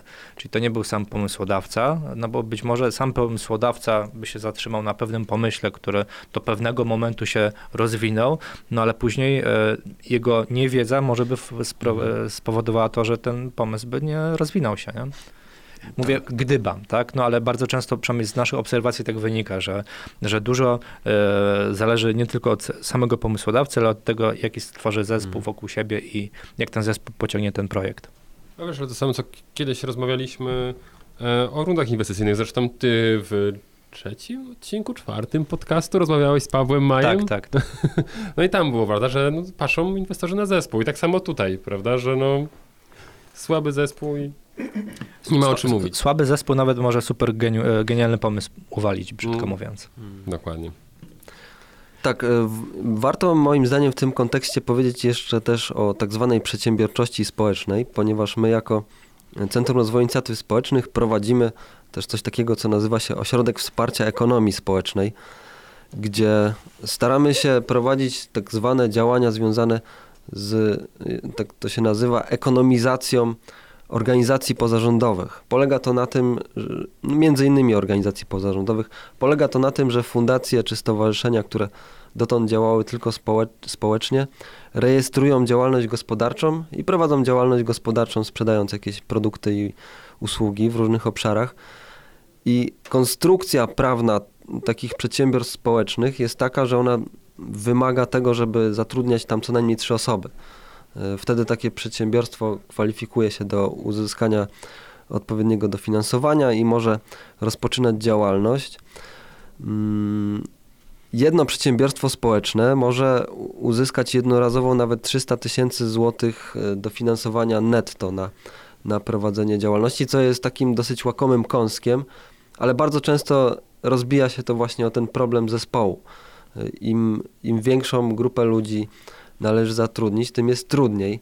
E, Jeżeli brakuje lidera, a często tak jest e, w, w tego typu przedsięwzięciach, to jest jeszcze trudniej. Natomiast mamy przykłady takich przedsiębiorstw społecznych, gdzie rzeczywiście ludzie, którzy razem współpracowali przez kilka lat na niwie takiej społecznej, organizując jakieś przedsięwzięcia, powiedzmy, że wolontariacko albo finansując je z dofinansowań publicznych, wypracowali takie umiejętności współpracy, że założenie, uruchomienie tej działalności gospodarczej i zarabianie na, na sprzedaży usług było już dla nich dużo prostsze. Mhm, Bo to przetestowali, zdobyli Tak, pewne tak. kompetencje i doświadczenie. A wskaza- wskazałeś właśnie pewien projekt i dofinansowanie. Czy to jest projekt tylko i wyłącznie, który się dzieje na waszym lokalnym rynku, czy to jest projekt ogólnopolski? Ogólnopolski. W każdym, no akurat w województwie śląskim, to w każdym subregionie y, są ośrodki wsparcia ekonomii społecznej, gdzie można pozyskać dofinansowanie do tworzenia miejsc pracy w tak zwanych przedsiębiorstwach społecznych. Przedsiębiorstwa społeczne to są na przykład spółki ZO non-profit, które y, prowadzą działalność gospodarczą. Właściwie spółki non-profit od spółek ZO nie non-profit różnią się de facto tylko tym, y, że ich y, udziałowcy nie mogą zysku po prostu sobie wypłacić, natomiast mogą być sp- spokojnie wykonywać pracę na rzecz spółki i, i zarabiać w ten sposób za, za konkretną pracę. Inną formą prawną y, przedsiębiorstwa społecznego są spółdzielnie socjalne, to już jest trochę bardziej skomplikowane y, prawnie przedsięwzięcie, bądź też fundacje czy stowarzyszenia, które zarejestrują sobie działalność gospodarczą. My, Michał, chyba w ten sposób funkcjonujemy, prawda? Czy nie? To, to To- się to. Ja tak dodam, że mm, ludzie, którzy mają jakiś pomysł na biznes, e, często boją się tej, tej, tej, tej formy przedsiębiorstwa społecznego. E, no, my staramy się podczas naszych spotkań mm, wyjaśniać, że tak naprawdę nie ma się czego bać, że trzeba po prostu, że to, to jest nieco inna forma niż taka zwyczajna działalność gospodarcza, ale, ale też można się tego nauczyć i warto mm, podjąć ten wysiłek, żeby sięgnąć po te pieniądze, bo to są chyba w tym momencie najłatwiejsze pieniądze na rynku, jeśli chodzi o takie formy dofinansowania. Pytanie w takim bądź razie jeszcze, być może znacie odpowiedź na to pytanie, a liczę, że, że znacie. E, czym one się też różnią od takich tradycyjnych działalności gospodarczej pod względem na przykład podatkowym? Tam pojawiają się jakieś dodatkowe ulgi, w jakiś inny sposób się rozlicza, nie wiem, PIT, e, CIT na przykład. E, Spotkaliście się z tego typu informacjami? To znaczy, ten, no, kluczowy aspekt jest taki, że przedsiębiorstwa społeczne prowadzą pełną księgowość. Nie ma opcji na przykład na ryczałcie. Czyli co, jak spółki ZO? Tak, jak spółki ZO. Y, No i to powiedzmy, że to jest trochę bardziej kosztowne i trochę bardziej uciążliwe.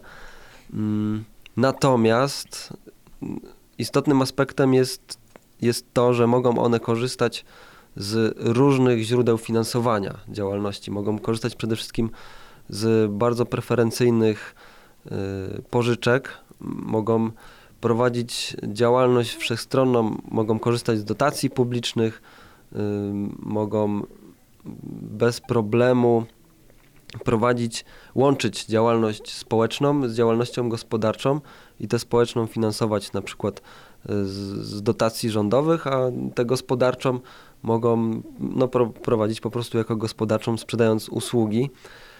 Więc na przykład w przypadku działalności sezonowych e, mogą to sobie uzupełniać na różne sposoby, że jakąś część roku e, funkcjonują głównie w oparciu o przychody z działalności gospodarczej, a jakąś część roku e, w oparciu o, o przychody z innych źródeł, co jest w moim przekonaniu mm, taką główną korzyścią. Jeśli chodzi o, no istotną korzyścią jest też to, że co jest, e, co odróżnia je na przykład od jednoosobowej działalności gospodarczej jest to, że nie ma stałego zobowiązania płacenia ZUS-u, jeżeli nie mamy zatrudnionego pracownika na No tak, ale o pracę. jak To- tutaj mówimy, że rozliczamy się w zasadzie prawie jak na zasadzie spółek przykładowo, bo mamy KRS w stowarzyszeniach, Tak, tak.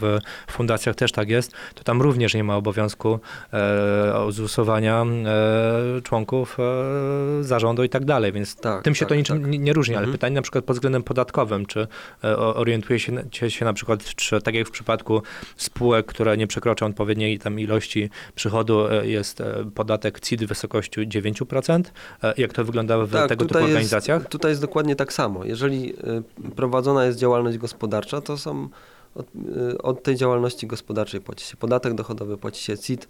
Jeżeli przekroczy się próg przychodów, płaci się VAT, więc pod tym względem nie ma różnicy. A jeśli to są jakieś, nie wiem, programy, działania, nazwijmy to, mm, realizujące cele statutowe danej organizacji, to są jakieś zwolnienia? Y, No, mm, to znaczy nie ma zwolnień w przypadku prowadzenia działalności gospodarczej. Jeżeli Mhm. fundacja prowadzi działalność gospodarczą, to przychody z tej działalności gospodarczej nie są w żaden sposób traktowane ulgowo. Mhm. Są, funkcjonują na normalnych zasadach, e, tak jak inne przedsiębiorstwa.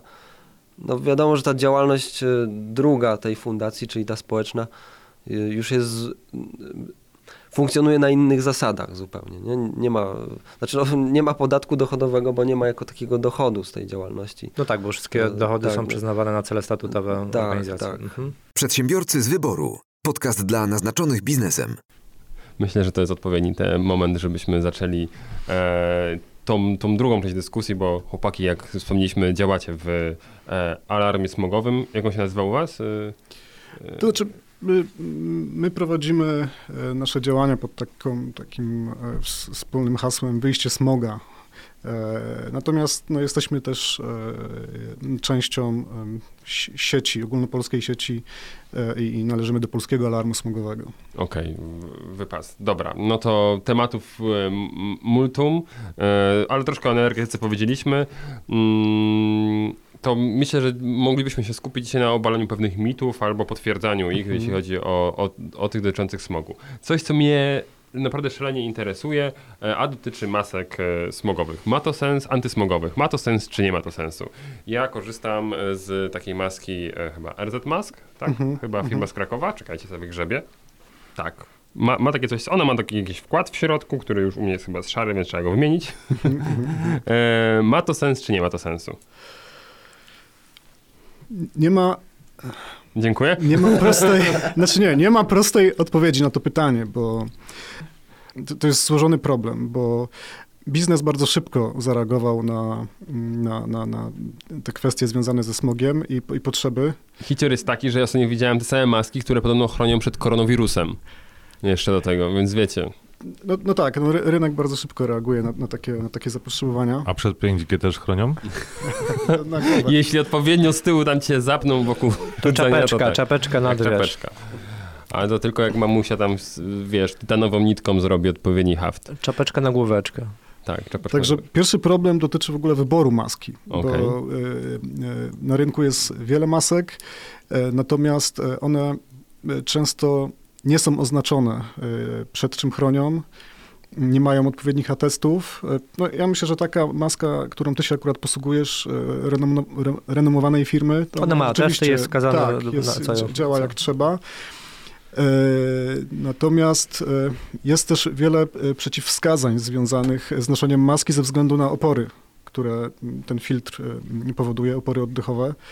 I w zasadzie ci, którzy powinni naj, naj, najczęściej nosić te maski, czyli dzieci, osoby starsze, osoby chorujące na, na, na, na, różne choroby, no, mają najwięcej przeciwwskazań, bo no, nie mogą sobie jeszcze ograniczać tego Rozumiem e, doskonale. powietrza. Są jakieś tam em, typy tych masek, Mhm. gdzie mm, podobne te opery są jakoś mniejsze, tak? Bo dla sportowców i tak dalej, ale Mhm. ja choćby na przykład dochodząc tutaj do studia, tak? W zimie, gdy ten test sprawdzam sobie w aplikacji, że ten smog jest faktycznie tutaj e, u nas e, gdzieś spory, mm, no to po 15 minutach spaceru czuję, że inaczej się, jak, jak, jak zdejmuję maskę, to nagle mówię okej, no to teraz tak człowiek sobie w swobodnie bierze oddech, co nie znaczy, że zapewne w tym momencie ten oddech jest tra- tragiczny. Okej, No. bo właśnie, bo y, to, to, co powiedziałeś, to jest chyba ważniejsze od tych, od tych masek w ogóle, Mhm. czyli że sprawdzasz przed wyjściem z domu, sprawdzasz jakość powietrza na aplikacji. Przed, przed, przed nagraniem rozmawialiśmy o Early akurat. Tak, I dokładnie. to jest fa- faktycznie chyba taka najciekawsza, naj, naj, naj, najlepsza aplikacja, z której można y, korzystać, żeby w czasie rzeczywistym wiedzieć, jaka, jaka sytuacja jest y, na, na zewnątrz, y, jakiego poziomu są te zanieczyszczenia. No i wtedy dopiero mm, jak uzyskasz tą informację, to wtedy podejmujesz decyzję, czy zakładasz maskę, czy w ogóle wychodzisz na, na, na, na spacer. Czasami musisz wyjść, ale czasami jak, jak, jak chcesz przejść się na e, e, wieczorny spacer, to możesz z, z niego zrezygnować po prostu. Ja Jasne. jakbym nawet sugerował, jak jest, jak jest rzeczywiście źle, to zrezygnować po prostu i, e, niż, niż chodzić w masce. Nieraz z żoną nam się zdarzało rezygnować. Mówimy, o, jaka ładna pogoda, sprawdzamy. Nie, jednak chyba dzisiaj e, Netflix wygrał. Tak, tak, tak, tak. No, Właśnie, ale jak rozmawialiśmy przed audycją e, właśnie o tej aplikacji, to zwróciłeś zupełnie uwagę na inną rzecz niż ja, bo ja zawsze mm, spoglądam sobie na procenty, że tam PM10, teraz akurat czujnik, który praktycznie jest tuż obok nas, 122%, e, 2,5 168. I e, wskazówka bywało lepiej, uważaj na siebie, zbyt długa ekspozycja na substancje zawarte w powietrzu może źle wpłynąć na twoje płuca, tak? Czy tam na twoje zdrowie, coś takiego. No ale tak, to te, te 122, 168, no to tak dla mnie, bo to jest takie, jest średnio, no ale to jeszcze nie znaczy, że jak dla mnie, że w powietrzu jest... E, e, że siekierę można w nim zawiesić. Ale ty w tym momencie zwróciłeś uwagę na zupełnie co innego, na inny wskaźnik. Mhm. Znaczy, ja spojrzałem na, y, na, na, na wskazania dotyczące pyłu zawieszonego Mhm. PM10, y, bo w zasadzie, jeśli chodzi o ten problem na południu Polski, to mamy do czynienia z, mm, z, z, z, mm, z tym pyłem zawieszonym, Mhm. czyli to są to takie drobne cząstki sadzy, można tak w uproszczeniu powiedzieć. E, One są e, m, mierzone w mikrometrach, czyli to jest milionowa e, część metra. Mhm. I najczęściej podaje się właśnie o grubości ziarna e, PM10, czyli pon- poniżej e, Mhm. 10 mikrometrów, lub PM2,5. To są takie dwa To najpopularniejsze. które groźniejsze, czy tak samo groźne? E, no, groźniejsze są te mniejsze, bo te, te, te, grubsze frakcje, no to możemy odkasznąć i jakoś się ich pozbyć z organizmu. Helan. O, właśnie w ten sposób. No to, to na pewno też sami zauważyliście, że jak przychodzi sezon grzewczy, to wszyscy dookoła zaczynają e, kasłać, kichać. To jest tak, taka naturalna Tak, tak, a potem się mówi taka pogoda, prawda? Że no, no, zimno na dworze, grypa, jakoś Tak, gorączki nie mam, tak, a, a tak. chyrlać chyrlam. Natomiast jeśli chodzi o te najdrobniejsze, e, najdrobniejsze e, cząstki, no to one mają z, z taką zdolność wnikania do, do, do naszych płuc, gdzie się łączą z, z, z krwią, no i w, w, w ciągu pięciu minut mogą trafić i do naszego mózgu, i do dużego palca u stopy i, i wszędzie. A, hura. Czyli generalnie e, e, właśnie spaloną płytę meblową albo kalosza A to będę miał jeszcze- w małym, w małym palcu, tak? ale to jest jeszcze, to jest jeszcze e, e, spalanie śmieci to jest w ogóle jeszcze inny Dobra, do, do, do tego, że z, z, z, pamiętajmy, żeby za, za chwilę jeszcze dotknąć tego tematu. Dobra, czyli ty patrzysz na te... Mm, E, PM10, tak. zazwyczaj PM10, bo też ta wartość jest podawana przez takie, przez te sieci Mhm. e, państwowego e, monitoringu, e, które są najbardziej wiarygodne, natomiast one nie podają, nie podają tych wartości w czasie rzeczywistym, tylko one podają średnie godzinowe, no po prostu z opóźnieniem. Jasne. A u nas ta, ta, ta, te zanieczyszczenia w godzinach wieczornych zwłaszcza zmieniają się tak dynamicznie, że, że no jednak wolę, wolę, Jasne. wolę to early. I Z tymi procentami jeszcze chciałem tylko podpytać, dobra? S- yy, bo pam, pamiętam, że chyba w zeszłym roku to tak dość mocno wybuchło, że my w Polsce mamy te y, alarmy smogowe jakoś obniżone. Nie wiem, czy to się już skorygowało, czy nie, że podobno u nas standardowy poziom mm, to jest generalnie trzy razy mniej, czy ileś niż na przykład, że w Paryżu to już dawno Tak, by ludzie tak, byli tak. pozamykani generalnie i, i, i z butlami w stlem chodzili po ulicy, a u nas robimy generalnie uff, dzisiaj smogu nie ma, co nie? I tak dalej. I właśnie dlatego, czy to, czy to w tej aplikacji też działa? Nie wiem, E, czy... To znaczy, nie, to jest jak- jak- jakby zupełnie e, inna e, kwestia. E, No, no, natomiast faktycznie my przez lata e, mieliśmy e, te poziomy alarmowe i poziomy informowania na absurdalnie wysokim poziomie, najwyższym w ogóle e, w, w Europie. E, W zeszłym roku one zostały obniżone. Też nie do Uf. takiego poziomu, jaki rekomendowali eksperci Ministerstwa Zdrowia, co ciekawe. E, Natomiast one są, zostały obniżone do takiego poziomu, jaki mniej więcej w, w naszym regionie funkcjonuje, czyli u naszych, u naszych sąsiadów.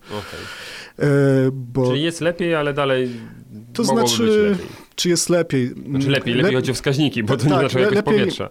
Lepiej, powiedziałbym, że jest lepiej, jakby za tymi e, alarmami szły jakieś konkretne działania na poziomie lokalnym. Natomiast ja mam wątpliwości, czy tak się dzieje, bo, bo te informacje o, o, o tych e, alarmowych poziomach zanieczyszczeń mimo wszystko nie są tak upowszechniane i nie docierają do wszystkich tak, jak, Jasne. jak powinny. A czy, y, nie wiem, dobrze kojarzę, że to jest pewien związek między tymi alarmowymi stężeniami, na przykład takimi zobowiązaniami samorządu, jak, jak tam wprowadzają tą darmową Mhm. komunikację, Tak, albo że, tak, tak, że tak, tam tak, tak, do przedszkoli, no, tam jakieś akcje wtedy są robione, No, no prawda? właśnie tak, o to chodzi, o takie, o to, żeby... żeby Czyli mieliśmy wysokie, żeby takich rzeczy nie robić po prostu. Yy, no Ja rozumiem, że, że niewygodna może być odpowiedź na to pytanie. No tak, no, no, czy, no to tak było. W- Te, one zostały podwyższone w 2012 i w zasadzie e, alarmy smogowe z tej Polski walczyły o to, żeby one zostały po prostu obniżone do poziomu normalnego, bo no, nie jest tak, że Polacy z jakiegoś powodu mają e, żelazne płuca i e, są mniej podatni na, na, na, na, na niszczące działania tych zanieczyszczeń. Mniej podatni niż na przykład Francuzi czy, czy, czy, No, czy no, Anglicy. Tylko na alkohol jesteśmy mniej podatni, ale to, to kwestia treningu przez No, e, tak, ale to ja wieki. akurat nie, nie wnikam akurat w te sprawy. Spoko. Przedsiębiorcy z wyboru. Podcast dla naznaczonych biznesem. E, O, śm- o śmieciach e, zaczęliśmy Tak, mówić. o śmieciach, śmieci, śmieci. Natomiast, e, znaczy tak, palenie śmieci to jest, e, to jest kompletna patologia. My się w zasadzie tym nie zajmujemy. E, Podczas spalania odpadów e, w, w, w powietrze wyrzucane są najróżniejsze trucizny, o, o których nawet nie chciałbym tutaj mówić. I spalanie odpadów to jest zadanie dla Straży Miejskiej. To strażnicy miejscy w tych e, miastach i w tych gminach, w, którym, w których straże miejskie działają, e, mają e, pełne pole do popisu, żeby e, ten e, patologiczny proceder wyeliminować. Mhm. E, W zasadzie e, naszym obywatelskim obowiązkiem jest, e, jeśli podejrzewamy, że sąsiad spala odpady, powinniśmy zgłosić to do Straży Miejskiej. Można to zrobić anonimowo, jak ktoś e, ma jakieś opory. I Straż Miejska e, ma prawo skontrolować palenisko e, w każdym domu w godzinach od 6 rano do 22, a jeśli mówimy o e, firmach, to przez całą dobę. W tym zakresie akurat strażnicy miejscy mają uprawnienia nawet większe niż policja. I jeśli chodzi o mm, mandat za, jeśli stwierdzą spalanie odpadów, mogą wystawić mandat do 500 zł, a jeśli mamy e, do czynienia z powtarzającym się przypadkiem, to nawet może być sprawa skierowana e, do sądu, gdzie już się kończy mm, płatnością o wysokości nawet 5 tysięcy złotych, czyli śmieci się po prostu nie opłaca e, spalać. Nie tylko to jest szkodliwe, ale i po prostu głupie.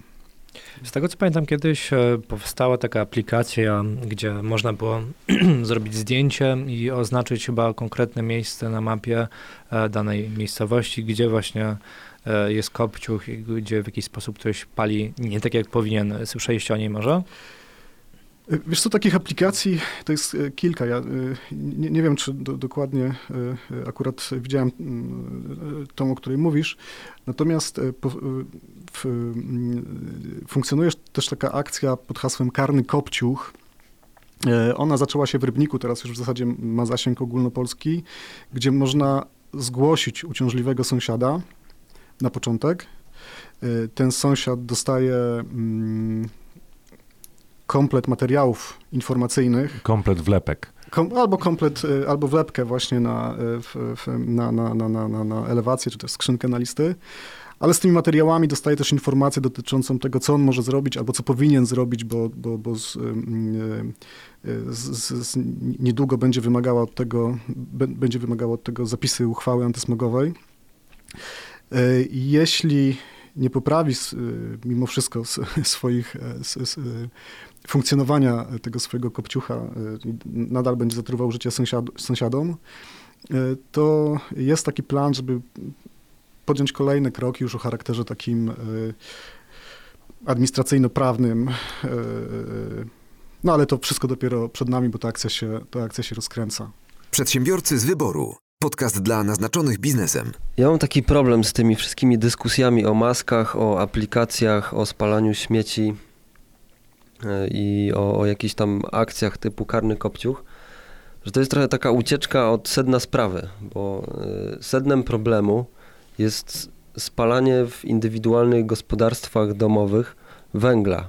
I dopóki nie wyeliminujemy tego głównego źródła zanieczyszczenia powietrza, no to będziemy ciągle kręcić się trochę wokół własnego ogona, będziemy y, wymyślali nowe akcje, będziemy ciągle dyskutowali o, y, o spalaniu śmieci, o, o tym, czy maski są skuteczne, czy nie. Natomiast problem zasadniczy leży w tym, że y, nie ma czegoś takiego jak czyste spalanie węgla do celów grzewczych. Jest to jakiś mit wymyślony przez y, producentów węgla do tego, żeby sprzedawać swój produkt. I w zasadzie wydaje się, że tylko masowe zaprzestanie opalania węglem gospodarstw domowych pozwoli wyeliminować tak duże zanieczyszczenie powietrza, jakie mamy obecnie w Polsce. Coraz więcej samorządów chce iść obecnie śladem Krakowa, który wprowadził zakaz spalania paliw stałych w całym mieście, gdzie widać pozytywne skutki tego, tego zakazu, ponieważ sam, samo centrum Krakowa ma dziś dużą, ma dziś lepszą jakość powietrza niż jeszcze przed rokiem. Natomiast pojawia się taki problem, że e, istotnym źródłem zanieczyszczenia powietrza w Krakowie jest dzisiaj zanieczyszczenie pochodzące z ościennych gmin. No właśnie, to wszystko nawiewa do Krakowa i tak naprawdę co z tego, że jest zakaz, skoro i tak niestety, ale mieszkańcy się muszą truć. Tak, i no stoimy przed takim problemem, kiedy działania podejmowane indywidualnie przez samorządy, które to działania często są wymuszane przez ruchy miejskie takie jak na przykład krakowski alarm smogowy, e, one dochodzą do pewnej ściany i konieczne jest działanie na poziomie ogólnopolskim do tego, żeby sytuacja rzeczywiście uległa poprawie. E, O problemie zanieczyszczenia powietrza w Polsce mówi się tak głośno już od dobrych kilku lat. Natomiast w zasadzie, e, gdyby nie fakt, że mamy wyjątkowo lekką zimę i bardzo wietrzną, to nie mielibyśmy dzisiaj lepszej jakości powietrza, więc e, powiedzmy, że e, dosyć niestandardowe warunki pogodowe powodują chwilową poprawę jakości powietrza u nas w Polsce. E, ale gdy tylko wiatr ustaje i temperatura trochę bardziej spada, to dalej wszyscy się dusimy. Pomimo szeregu akcji i działań, które są bardzo cenne i potrzebne, natomiast one nie wyręczą państwa w tym, co e, państwo powinno zrobić. To ja, my tak trochę skaczemy z tematu na temat, ale no, my w Polsce mamy około 3 czy 4 milionów e, mm, domów ogrzewanych e, kopciuchami, czyli tymi pozaklasowymi kotłami na węgiel. No i skutek tego jest taki, że jak e, powstają rankingi najbardziej zanieczyszczonych miast w Unii Europejskiej, to okazuje się, że e, e, na 50 ponad 30 to są miasta z Polski, w tym z tej 30 pewnie większość jest właśnie z naszego, z naszego regionu. I to, z czym ja nie mogę się pogodzić, to to, że my traktujemy tę sytuację jako coś normalnego. A, a ta sytuacja jest e, e, nienormalna i to najdobitniej e, ja to widzę wtedy, kiedy przyjeżdżają do nas do Rybnika dziennikarze albo aktywiści, którzy zajmują się też takim tym problemem jakości powietrza z zachodu. Ja widzę kompletny brak zrozumienia w, w ich oczach to są zazwyczaj uprzejmi ludzie, nie artykułują tego, ale, ale widzę, że oni kompletnie nie potrafią zrozumieć, że gdzieś na peryferiach Europy funkcjonuje społeczność, która uporczywie truje siebie, truje swoje dzieci, swoich sąsiadów. Yy, I nic sobie z tym, nic sobie z tym, e, nic sobie z tym nie robi. Chociaż wszystkie badania, wszystkie dane naukowe pokazują, że to, że to zabija, że to skraca życie, że to powoduje e, choroby, w zasadzie całe spektrum e, chorób. I, e, a my to traktujemy jako coś normalnego, bo zawsze się w ten sposób ogrzewało domy. Tylko pytanie takie, ktoś kiedyś mi zresztą też zadał i szczerze powiedziawszy nie potrafiłem dobrze odpowiedzieć na, na, na nie, więc być może wam się uda. Hmm Duża część osób, które ma te kopciuchy, nie chcą uogólniać, ale duża część mhm. jednak osób to są osoby niekoniecznie zamożne. Mhm. I pytanie, czy te programy, które teraz są wprowadzone, to czy one rozwiązują problem? Problem związany no, z wymianą, ok, ale jak utrzymać później zupełnie innej klasy piec, e, który tak naprawdę jest dużo droższy w utrzymaniu takim mhm. codziennym, prawda? Czy nie? Znaczy, to są też dwa zagadnienia. Jedno dotyczy tych programów pomocowych, a drugie, druga rzecz dotyczy tak zwanego ubóstwa energetycznego. Bo faktycznie mamy z czymś takim do czynienia jak ubóstwo energetyczne. Jest około, według różnych obliczeń, od 10 do kilkunastu procent e, gospodarstw domowych, które rzeczywiście same nie poradzą sobie z tą, z tą wielką zmianą. E, I no, po prostu my, jako podatnicy, będziemy musieli się zrzucić im pomóc w tej zmianie, żeby, żeby przestali, zaczęli ogrzewać swoje domy w sposób e, ekologiczny. Natomiast w takim ogólnym dyskursie ja mam wrażenie, że e, mówimy o, o tym w ten sposób, że ten problem dotyczy e, całej populacji. To, to nie jest. To, to jest rzeczywiście 10, kilkanaście mm, procent. Natomiast dla dużej części to jest kwestia priorytetów.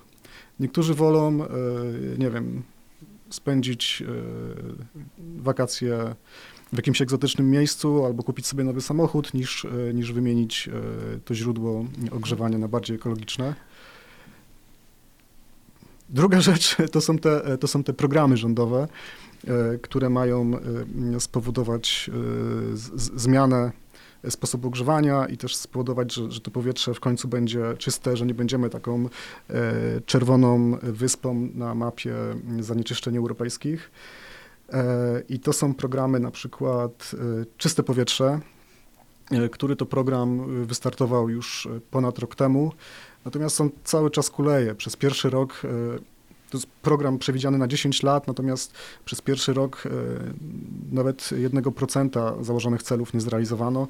On się cały czas zmienia. My mocno też kibicujemy panu Piotrowi Woźnemu, który jest odpowiedzialny za ten, za ten program. E, natomiast tam cały czas coś nie działa, te środki nie są, e, te środki, które są przeznaczone i które mm, są dostępne, e, nie są dystrybuowane tak, tak sprawnie, jak, jak powinny. I, I my powinniśmy w zasadzie wymieniać około 300-400 tysięcy kopciuchów rocznie, a przez pierwszy rok zostało wymienionych 20 e, tysięcy zaledwie. Teraz nastąpiła jakaś poprawa delikatna, jest przyspieszenie, ale mimo wszystko to jest jeszcze e, za mało. Jest też program Stop Smog, który jest e, dedykowany najuboższym mieszkańcom, właśnie tym, którym trzeba będzie pomóc. Natomiast do tej pory, z tego co wiem, to przystąpiło do tego programu trzy, trzy miasta w całej Polsce, czyli my jesteśmy na początku tej drogi.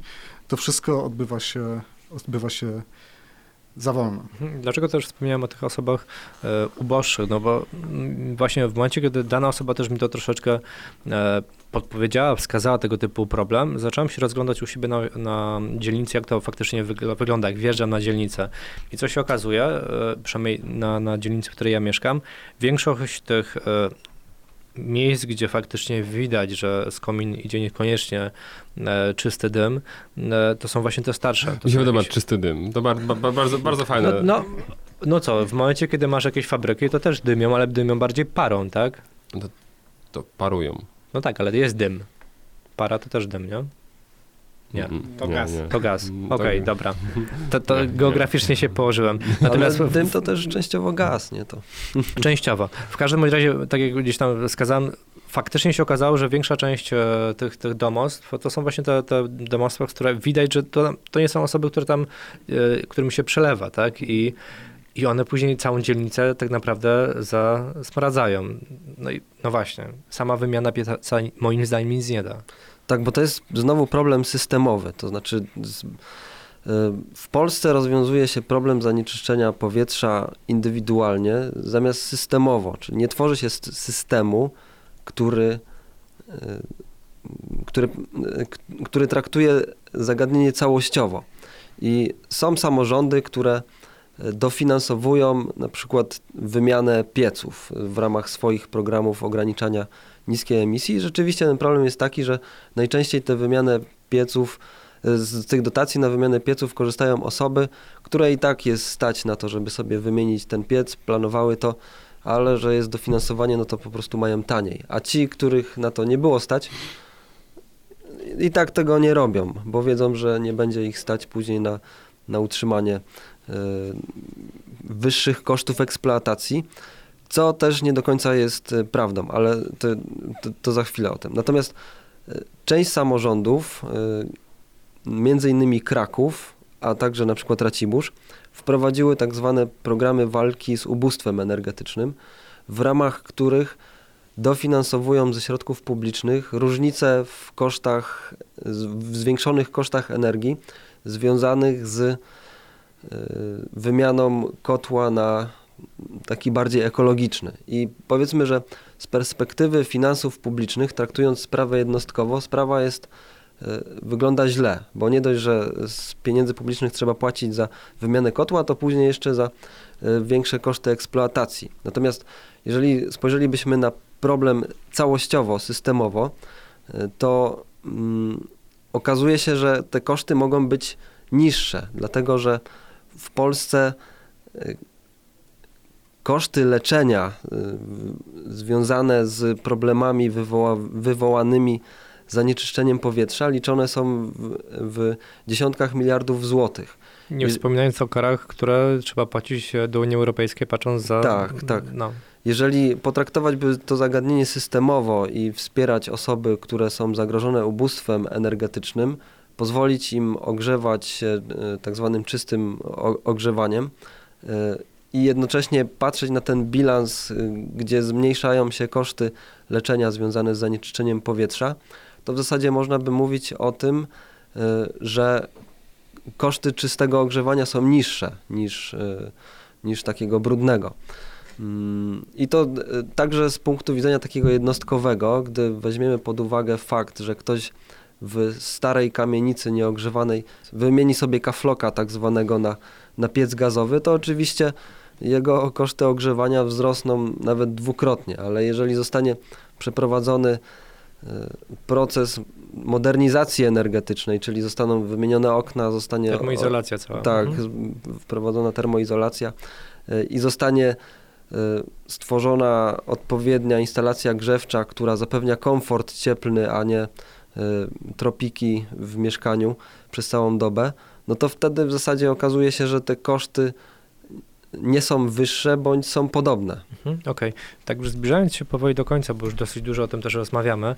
em, To przynudzamy, tak? Bo tutaj... nie, ja tego nie powiedziałem, natomiast fajnie jakbyśmy jednak słuchaczy pozostawili z czymś pozytywnym. Waszym zdaniem, co tutaj jednak pozytywnego jest w krótkim, że tak powiem, podsumowaniu e, całej rozmowy. Jest taki temat, e, że, e, że rzeczywiście trudno coś, o coś pozytywnego, natomiast e, my w ramach naszego ruchu antysmogowego, jak prowadzimy jakieś takie rozmowy, to wydaje nam się, że jest już e, coraz bliżej do rozwiązania tego problemu. Na razie, na razie mm, to tak naprawdę mm, to fakt, że oddychamy czystym powietrzem zawdzięczamy tylko e, temu, że jest ciepła zima, że wieje wiatr, e, że ta, ta, ta wymiana kotłów na, następuje naszym zdaniem e, zbyt wolno.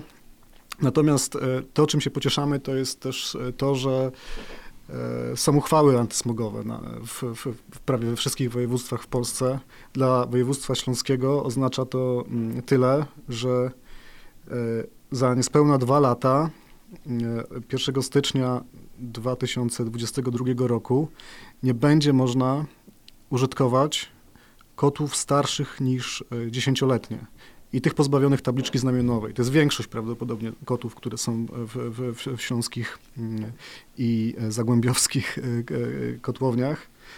No i liczymy, że to spowoduje też pewną, pewną taką poprawę, że część z tych osób, które będą zmieniały to źródło ogrzewania, wybierze źródło inne niż węgiel, wybierze inne źródło ogrzewania niż kocioł piątej klasy, tylko będzie to, nie wiem, pompa ciepła na przykład, co by było najlepszym w zasadzie rozwiązaniem. Z pozytywnych rzeczy, jeśli ktoś by chciał u siebie w mm, okolicy taki alarm smogowy podobny do waszego założyć, to jest to skomplikowane, czy ja- ja- jak to wyglądało? Tak w króciutko, w dwóch zdaniach. Znaczy, nie, to zupełnie nie jest skomplikowane, to jest... E, natomiast e, to zabiera strasznie dużo czasu.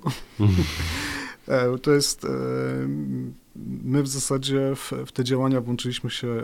no, nie- Niedawno obchodziliśmy piątą rocznicę e, naszej akcji Wyjście Smoga. Natomiast no, my przystępując do, do, tych, do tych działań, to mieliśmy tak naprawdę niewielkie pojęcie z, o tym, z czym się mierzymy.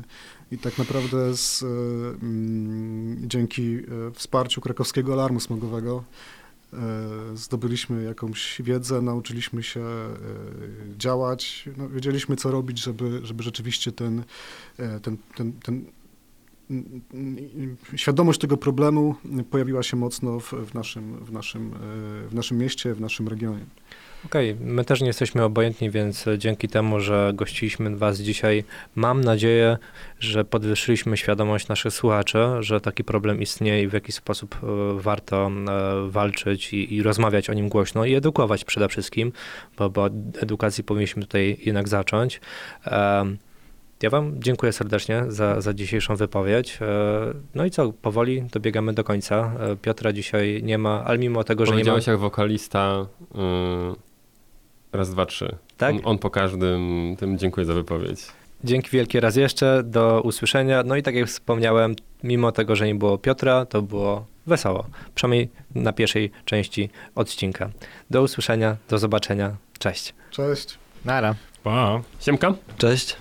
Przedsiębiorcy z wyboru. Podcast dla naznaczonych biznesem. Porady, studium przypadków, nowinki, analizy, dyskusje, rozmowy, opinie. Polacy tym dniem ucho- uchronowali. Polacy tym dniem ucho... Kurwa, uhoronowali. uhonorowali. Polacy w tym dniem uchrono... uhoronowali. E, A zatem, szan- szanowni państwo, rozpoczynamy nasz tereturniej, tereturniej, kurwa. A, sorry, zacząłem się pakować. jak, jak dzieci w klasie. Dzwonek. Dzwonka jeszcze nie było. Dzwonka jeszcze nie było. Dzwonek jest dla nauczyciela. Tak, Dzwonek jest dla montażysty. Dzwonek jest dla montażysta, nie dla gości. to Prowadziła bardzo ważny... Um, ba, ba, bardzo ważny wtorek.